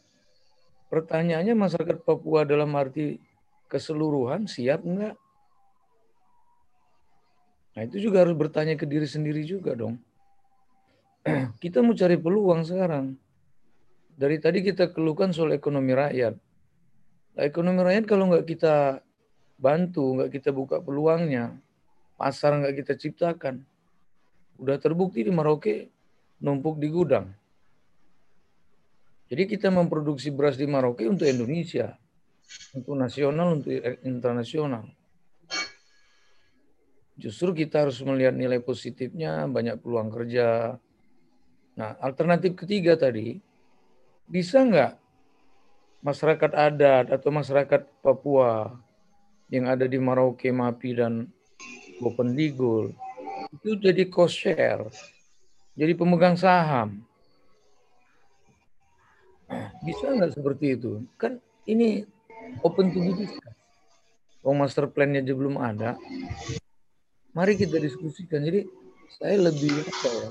Lebih suka melihat peluang saya harus uh, harus berputar itu dengan istilah saya saya mohon maaf ini romantisme romantisme apa itu agak harus kurangi gitu loh jadi kita mau maju ke depan kita mau orang asli Papua maju juga apanya yang kurang ayo kita kerjain sama-sama gitu jangan kena stigma lama kita mau maju kita mau berubah jadi kalau saya ditanya saya saya membaca buku itu ada yang bilang anim ha, ada yang bilang ha anim gitu ya, kelompok adatnya. Nggak tahu mana yang benar nih. Saya menulisnya ha anim. Tapi tadi itu anim ha, mungkin sama maksudnya. Maksud saya begini, kita kita tahulah struktur budaya, struktur adat, adat di Papua kita tahu mana klan, mana suku gitu ini udah clear belum sih? Udah selesai belum sih gitu? Kalau dari struktur. Lalu kalau kita mau negosiasi, negosiasinya dengan siapa nih? Kan pilihannya pilihannya banyak. Oke kalau gitu, food estate dibuat. Buatkan juga untuk rakyat. Berapa persen punya rakyat, berapa persen punya investor. Maksud saya, kita masih terbuka peluang untuk kita diskusi. Jangan terlalu banyak curiganya, nanti kita nggak jalan-jalan. Kita perlu kok ajak berdebat pemerintah pusat itu menurut saya harus itu. Jangan tidak. Karena ini kan wilayah adat, adat dihormati dong. Jangan adat yang nggak dihormati. Hak ulayat ada, gimana tuh? Karena ini kan begini, kita kan banyak metode untuk untuk memahami sosial budaya itu metodenya banyak. Untuk mengajarkan negosiasi itu pun metodenya banyak. Kalau misalnya ada tata cara adat kita di OAP, begini standarnya negosiasi budaya itu. Ya udah kita ikuti. Nah kan masalahnya orang luar ini kan nggak nggak kalah-kalah akal. Bu Fitri tadi udah bilang suka mengadu domba orang luar ini terhadap orang-orang OAP untuk keuntungannya sendiri. Nah kalau gitu kenapa orang OAP mau diadu domba? Jangan mau dong. Nah kira-kira kayak gitu, ini kekuatan kultural sendiri yang bisa melawan ya, intervensi-intervensi itu. Tapi saya ingin katakan begini, 12 persen peluang pasar dunia itu untuk pangan jadi kalau Indonesia katanya negara agraris, subur, apa-apa. Kalau kita bisa ambil uh, pasar dunia, kenapa kita diam? Kalau saya lebih suka mengajak, ayo kita bergerak. Saya tahu dosen-dosen junior saya di UGM ini banyak juga mendampingi masyarakat Papua di pegunungan. Diajarkan satu tahun, dua tahun mereka sudah bisa beragroforestry saya percaya sekali kawan-kawan kita di pedesaan Papua bisa. Karena kita sudah memulainya gitu. Nah, apalagi kalau dengan pelatihan-pelatihan. Jadi bagi saya itu mengapa tidak. Nah, mungkin Papua juga harus apa namanya harus menawarkan konsep juga menurut saya. Jangan terima konsep saja dari pusat, boleh ngajukan konsep. Misalnya begini, kalau istilah food estate itu bisa diartikan sebagai kebun pangan. Artinya itu begini, korporasi difokuskan bersama-sama rakyat bisa juga. Kalau pesannya Pak Jokowi sih, korporat-korporat itu korporat rakyat. Tapi kan kita tahu yang berdiri di tikungan banyak. Oligarki berjalan di Indonesia. Nggak ada orang mau nganggur saja oligarki itu pasti mereka bermain untuk melihat semua peluang. Rakyatnya bisa diperkuat. Misalnya gini lah, tawarkan dari Papua. Misalnya nggak usah ketahanan pangan, bilang aja kantong pangan. Mungkin diskusi kantong pangan lebih menarik bagi kawan-kawan OAP. Hutan itu kan kantong pangan. Cuma cara membacanya saja yang tidak bisa. Itu kalau orang luar membacanya. Tapi kalau dia kantong pangan kan subsisten. Poin saya adalah, saya juga nggak setuju kawasan hutan itu dibuka besar-besaran. Bagi orang Papua itu ibu susuan, tempat mereka hidup. Segala macam pangan, nabati, non-nabati ada di situ. Kalau kita buka food estate dari mana? Hewaninya. Bukan pangan-pangan hewaninya, nggak ada. Ini yang saya maksud dengan kultural itu dalam arti way of life. Jadi ekologi manusianya harus di bincangkan juga. Makanya saya minta kawan-kawan pusaka misalnya buatlah konsep bukan hanya sekedar kita tidak setuju tetapi buat konsep alternatif. Yakinkan orang luar itu. Kalau Anda mau berbisnis jangan lupakan orang MHA. Jangan lupakan masyarakat OAP. Bagaimana cara melibatkannya? Bincangkan sama-sama menurut saya alam demokrasi begini tidak bisa lah pusat mendikte-dikte terlalu kuat ke daerah-daerah seperti Papua. Tapi saya minta Papua sendiri punya konsep. Begitu caranya. Nah, kita adu. Jangan jangan dikira ya. Misalnya gini lah. Mahasiswa-mahasiswa saya yang S3 di UGM tuh banyak meneliti Salah satunya misalnya ada ayam ayam kate gitu ya, ayam kecil gitu di daerah Papua Barat itu. Ayam itu ya jenis ayam biasa. Tapi ayam itu memang kecil. Satu ekor ayam itu laku hampir 2 juta rupiah tuh di Australia. Contoh seperti itu. Kenapa yang begitu-begitu tidak dibudidayakan? Ya, jadi masih masih banyak yang harus kita lakukan seperti mana dari Kalau korporasi memaksakan, jangan dulu jangan main paksa. Rakyat Papua juga bisa buat korporasi. Masyarakat ada juga bisa buat, ajarkan. Kawan-kawan kita terdidik, kawan-kawan Papua, ambil kesempatan ini. Jangan tidak diambil, enggak diambil, diambil orang lain. Saya kira kita tidak lah. Ini ada kawan yang menulis sampai ecosite. Saya pikir enggak lah, Papua enggak sampai ecosite. Masih dalam, dalam kajian lingkungan, daya dukung, daya tampung lingkungan hidup yang saya sampaikan tadi masih jauh lah dari ecosite. Mungkin enggak pernah ada lah kita itu ecosite. Kemudian, nah itu tadi berkaitan dengan uh, food estate ini, saya minta betul-betul kawan-kawan kita OAP, ambillah kesempatan ini. Jangan kita dengarkan baik-baik dulu, kita ajak ngobrol dulu eh, kebijakan-kebijakan dari Jakarta. Kalau memang betul nggak ada manfaatnya, ya silakanlah tolak gitu. Tapi kalau masih ada peluang diskusi dan harus ada peluang diskusi itu, mari kita diskusi. Ya saya betul-betul minta nih. Milenial-milenial Papua ini kan banyak. Lulusan-lulusan universitas kawan-kawan Papua kan banyak. Mereka butuh peluang kerja. Jadikan ini kesempatan untuk ambil yang sisi peluangnya.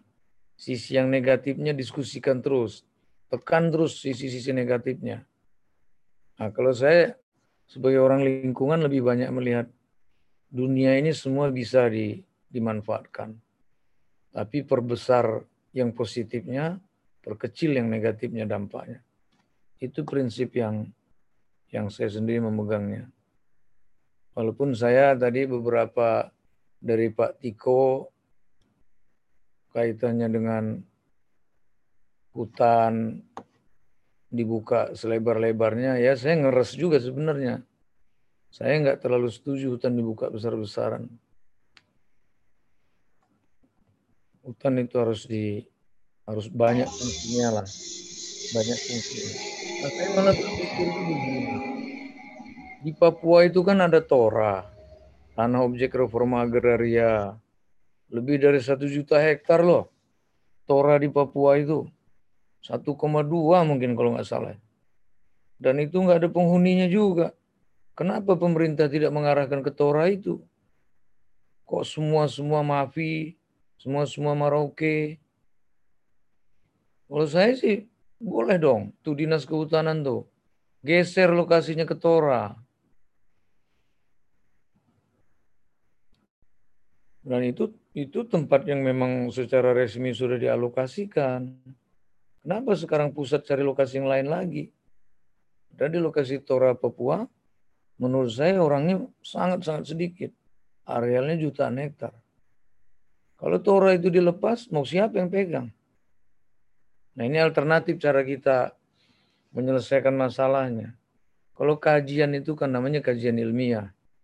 Pasti punya data-data dasar semua apa adanya kita baca, apa data adanya kita sampaikan.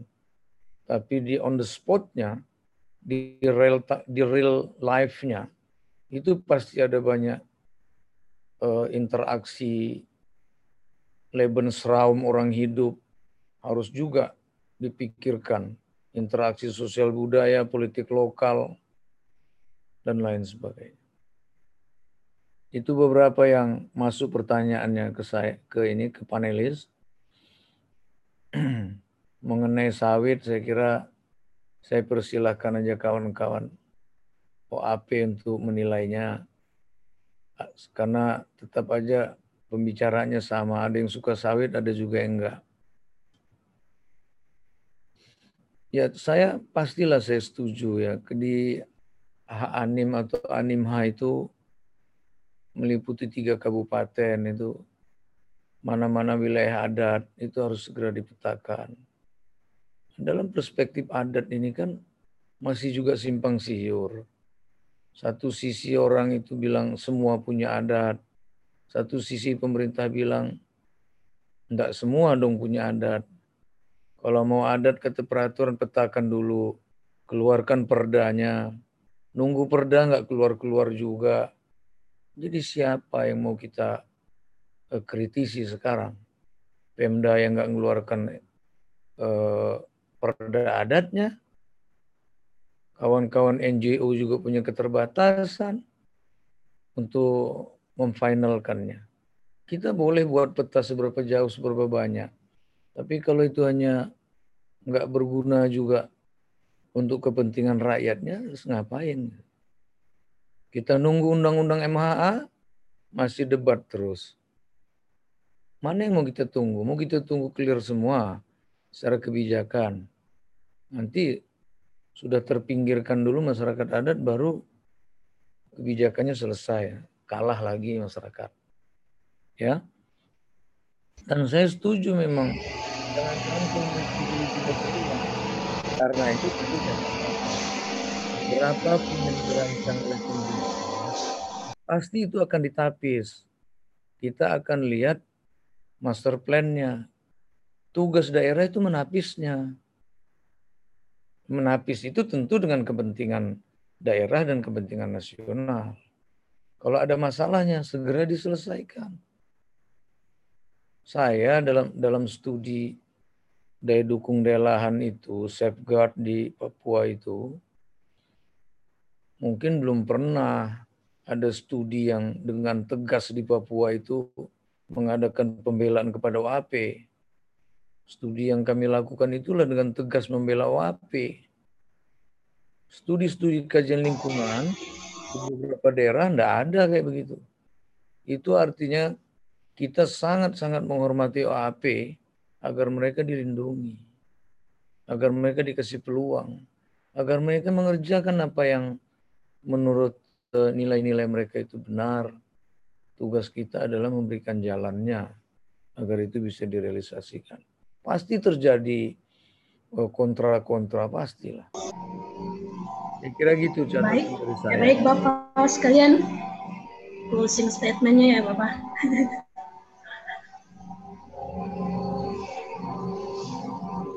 Oke, saya kira gitu. Mbak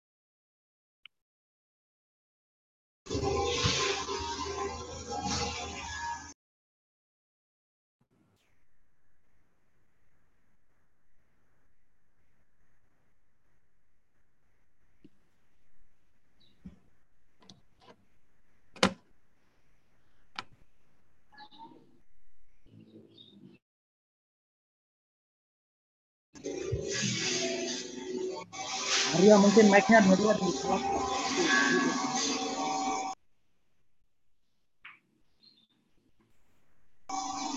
Lagi ada pengobatan.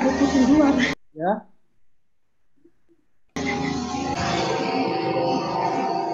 Pak San Arif sudah?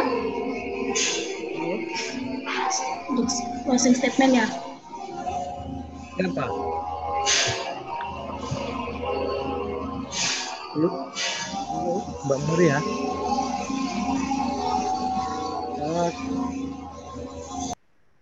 Siapa yang diminta closing statement?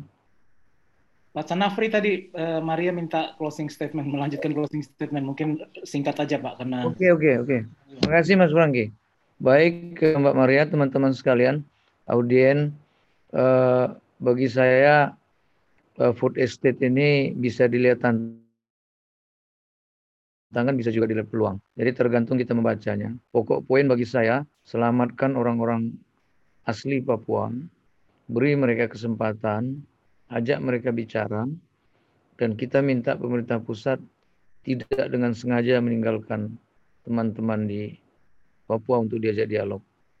Lalu dalam skenario, kalau dia itu korporasi, maka terbaik adalah melibatkan OAP di dalam konsorsium itu. Bagi saya itu clear. Jadi hak dan kewajiban bisa bisa kita dorong sama-sama. Peluang internasional mengapa tidak kita pakai? Karena banyak anak-anak Papua yang harus kita pikirkan generasi mudanya untuk ke depan. Saya kira terima kasih begitu. makasih Prof. Baik, eh, lanjut dengan Kakak Laksmi sekalian closing statement. Oke, ya. Kakak Maria, terima kasih.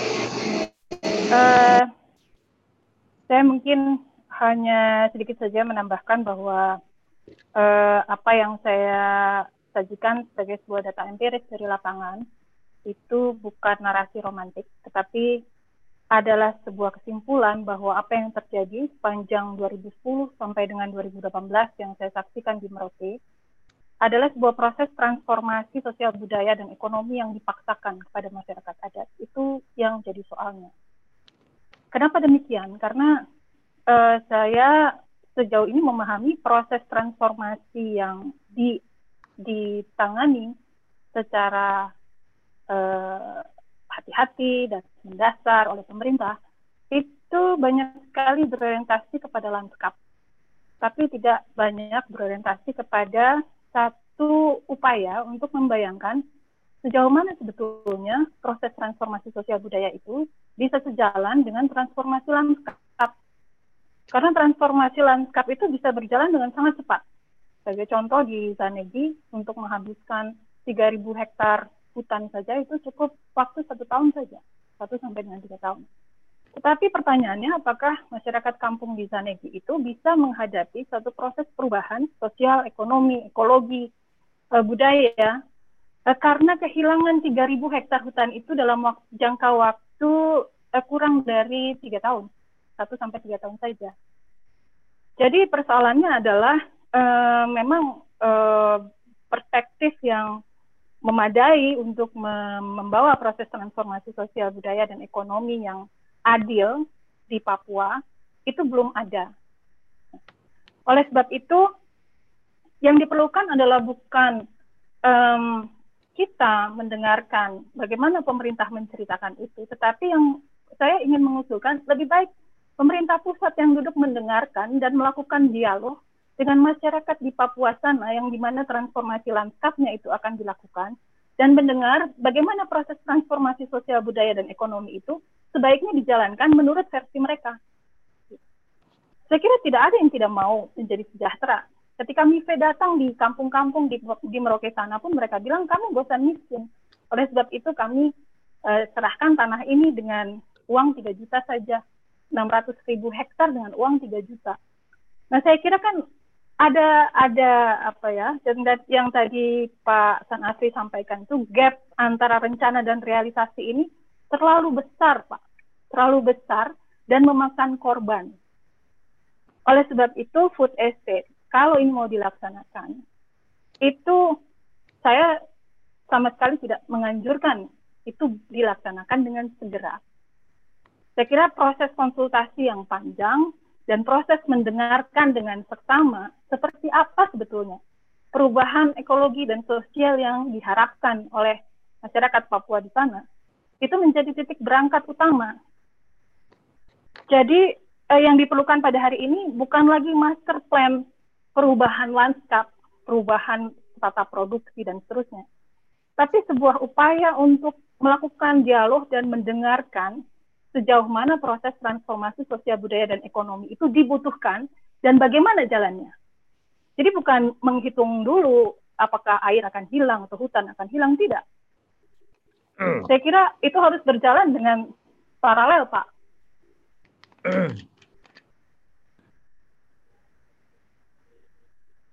Saya kira itu uh, Kakak Maria penutup dari saya. Terima kasih. Terima kasih, Mbak.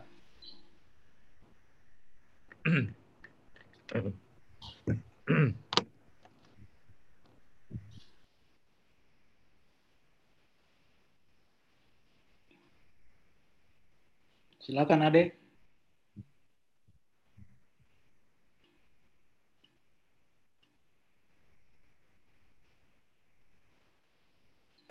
Kakak Maria tidak ada suara.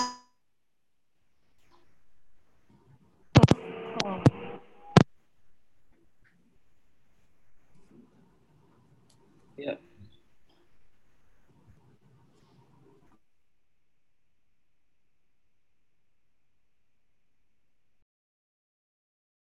Kalian closing statementnya. Uh, baik, terima kasih uh, Pak Franky. Uh, bahwa terkait dengan luasan 2,6 juta hektar itu uh, saya pikir bukan sekedar angka bagaimana apa tuh uh, seperti batasan-batasan seperti itu karena uh, proses alih fungsi sendiri uh, sudah sudah berjalan dan ini sebenarnya kami dari daerah itu uh, belum mau gitu. Dalam artian kalau kita memanfaatkan pada lahan yang yang memang uh, yang sudah mendapat pelepasan APL itu maupun HPK yang memang lokasinya ini e, bisa terjangkau. Kalau kita bicara untuk masyarakat berarti lokasi-lokasi itu akan dekat APL dan HPK gitu. Sehingga kalau ada perubahan fungsi dan sebagainya atau perubahan jadi karena ketika berubah kawasan hutan bukan menjadi kawasan hutan itu dampaknya juga uh, tidak berlaku lagi undang-undang kehutanan terkait dengan kawasan hutan sebenarnya akan rentan terhadap uh, banyak hal gitu. Kemudian uh, ini yang perlu kita jaga bahwa kawasan-kawasan uh, ini perlu kita kita jaga dalam arti ini bukan sedar fungsi aja tetapi terkait dengan uh, kondisinya kondisi tegakannya gitu. Kemudian terkait dengan uh, pemetaan ulayat atau adat itu juga juga juga gitu juga penting sekali. Tadi ada pertanyaan dari eh, dari yang saya lihat di eh, answer ini itu juga perlu kita kita lakukan itu. Hal yang penting adalah terkait dengan eh, lahan ini kita eh, prioritaskan lahan yang ada dulu karena lahan ini cukup besar eh, atau lahan pada yang memang eh, tora tadi karena juga eh, tora juga sebenarnya pada lokasi ini juga gitu yang yang pada ini memang uh, harus kita overlay banyak yang tindih yang itu gitu. Yang penting adalah bahwa pembukaan lahan ini uh, pada lokasi yang memang uh, secara uh, aturan, secara APL dan HPK kemudian dilakukan secara bertahap dengan uh, terlebih dahulu kita melakukan pemetaan uh, adat atau pemetaan wilayah gitu. Jadi kemudian uh, semua harus kita lakukan secara bertahap tidak sekaligus uh, sehingga uh, peralihan alam uh, dari hutan menjadi uh, bukan kawasan hutan ini juga bisa terjadi karena pengalaman kemarin ketika ada lahan yang dibuka untuk komodis tertentu jenis tanah, kemudian ternyata penyakit-penyakit tanah itu muncul pada tanaman baru sehingga tanaman uh, seperti uh, tebu itu juga mengalami kegagalan itu harus kita banyak banyak lakukan lakukan kajian gitu. Saya pikir itu Pak uh, Pak Frenggi uh, kita dengan semangat food estate itu uh, tetap mungkin harus kita perhatikan juga kondisi-kondisi uh, hutan itu sendiri. Demikian terima kasih. Terima kasih banyak Pak. Silakan Ade.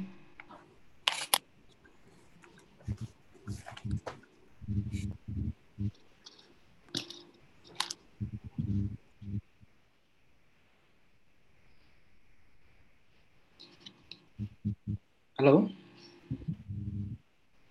Ya ini ini sepertinya ada gangguan di dengan moderator.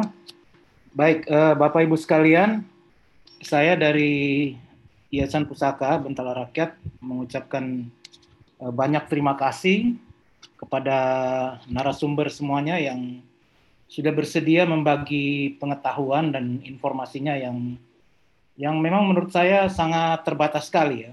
Eh, justru di era seharusnya lebih terbuka seperti ini, tapi informasi terkait dengan food estate masih simpang siur dan kita hanya mengandalkan informasi-informasi dari media. Dan ini juga saya kira yang terjadi di food estate di Kalimantan Tengah, juga di Sumatera Utara dan di Sumatera Selatan yang direncanakan oleh pemerintah. Apakah eh, keterbatasan informasi ini karena memang situasi pandemi corona yang kemudian jadinya ada pembatasan-pembatasan dan saya kira diskusi hari ini sangat membantu sekali ya. Uh, tadi terkait dengan bagaimana proses uh, transformasi yang saya tahu di daerah selatan Papua yang kami ikuti dari tahun ke tahun paling tidak sudah sekitar 10 tahun terakhir ini memang uh, usaha-usaha ekonomi skala besar itu ditandai dengan agroindustri yang sangat luas sekali oleh perusahaan-perusahaan perkebunan eh, sangat kelihatan jelas ya. Nah itu kalau kita lihat berdasarkan data tadi terlihat bahwa eh, ada perubahan-perubahan dari tutupan hutan yang ada di daerah Kabupaten Bovendigul maupun Merauke. Dan sebenarnya eh, situasi yang sangat menantang dan memprihatinkan terkait dengan Eh, keberadaan orang-orang asli Papua yang ada di sana. Uh, mungkin awal-awal di sekitar tahun 2000-an awal itu ada banyak janji yang disampaikan kepada masyarakat ya mulai dari janji kesejahteraan pemberdayaan ekonomi dan seterusnya tapi uh, ya 10 atau lebih lebih 10 tahun atau lebih sekarang kita bisa lihat kemudian mereka menuntut janji-janji itu itu artinya Eh, sampai saat ini belum ada situasi yang berubah. Nah, eh, khawatirnya dengan food estate dengan informasi yang sangat terbatas ini, itu justru akan mengulang situasi yang yang pernah ada atau dalam istilah Bu Laksmi tadi, ini sebenarnya food estate lanjutan, bukan suatu episode uh, baru, tapi akan melanjutkan apa dari situasi yang sebelumnya. Nah, dan ini kalau ini memang terjadi ya ini artinya eh, kita hanya melanjutkan eh, situasi yang sebelumnya dan tanpa bisa mengendalikan eh, situasi tersebut. Dan saya hampir saya sepakat dengan semua narasumber bahwa pemerintah harus negara dalam hal ini harus melakukan dialog menyampaikan apa maksudnya kepada orang asli Papua dan orang asli Papua mempunyai hak untuk menyampaikan apa keinginan-keinginannya misalnya terkait dengan perekonomian rakyat, perekonomian yang berbasis orang asli Papua, saya kira sudah ada sebenarnya, sudah kelihatan sudah ada aksi sejak lama, misalnya di Bovendigul dan Merauke, sebagian besar daerah-daerah yang kita sebutkan sebagai uh, eh, AOI tadi, Area of Interest uh, proyek ini, mereka sudah mengembangkan dengan sistem agroindustri. Tapi kita lihat ketika ada perusahaan-perusahaan perkebunan, hampir rata-rata ini dipaksa berubah, menjadi tergantung kepada uh, agroindustri, sistem agroindustri yang masih baru. Tapi sekali lagi terima kasih kepada seluruh uh, narasumber seluruh kawan-kawan host, juga kepada moderator yang sudah bersedia membantu uh, diskusi webinar hari ini, juga kepada para peserta diskusi yang sudah berbagi informasi, memberikan tanggapan atas uh, saya harapkan uh, diskusi ini akan terus berlanjut dan menjadi perhatian kita semua. Sekali lagi terima kasih banyak. Selamat siang. Terima kasih.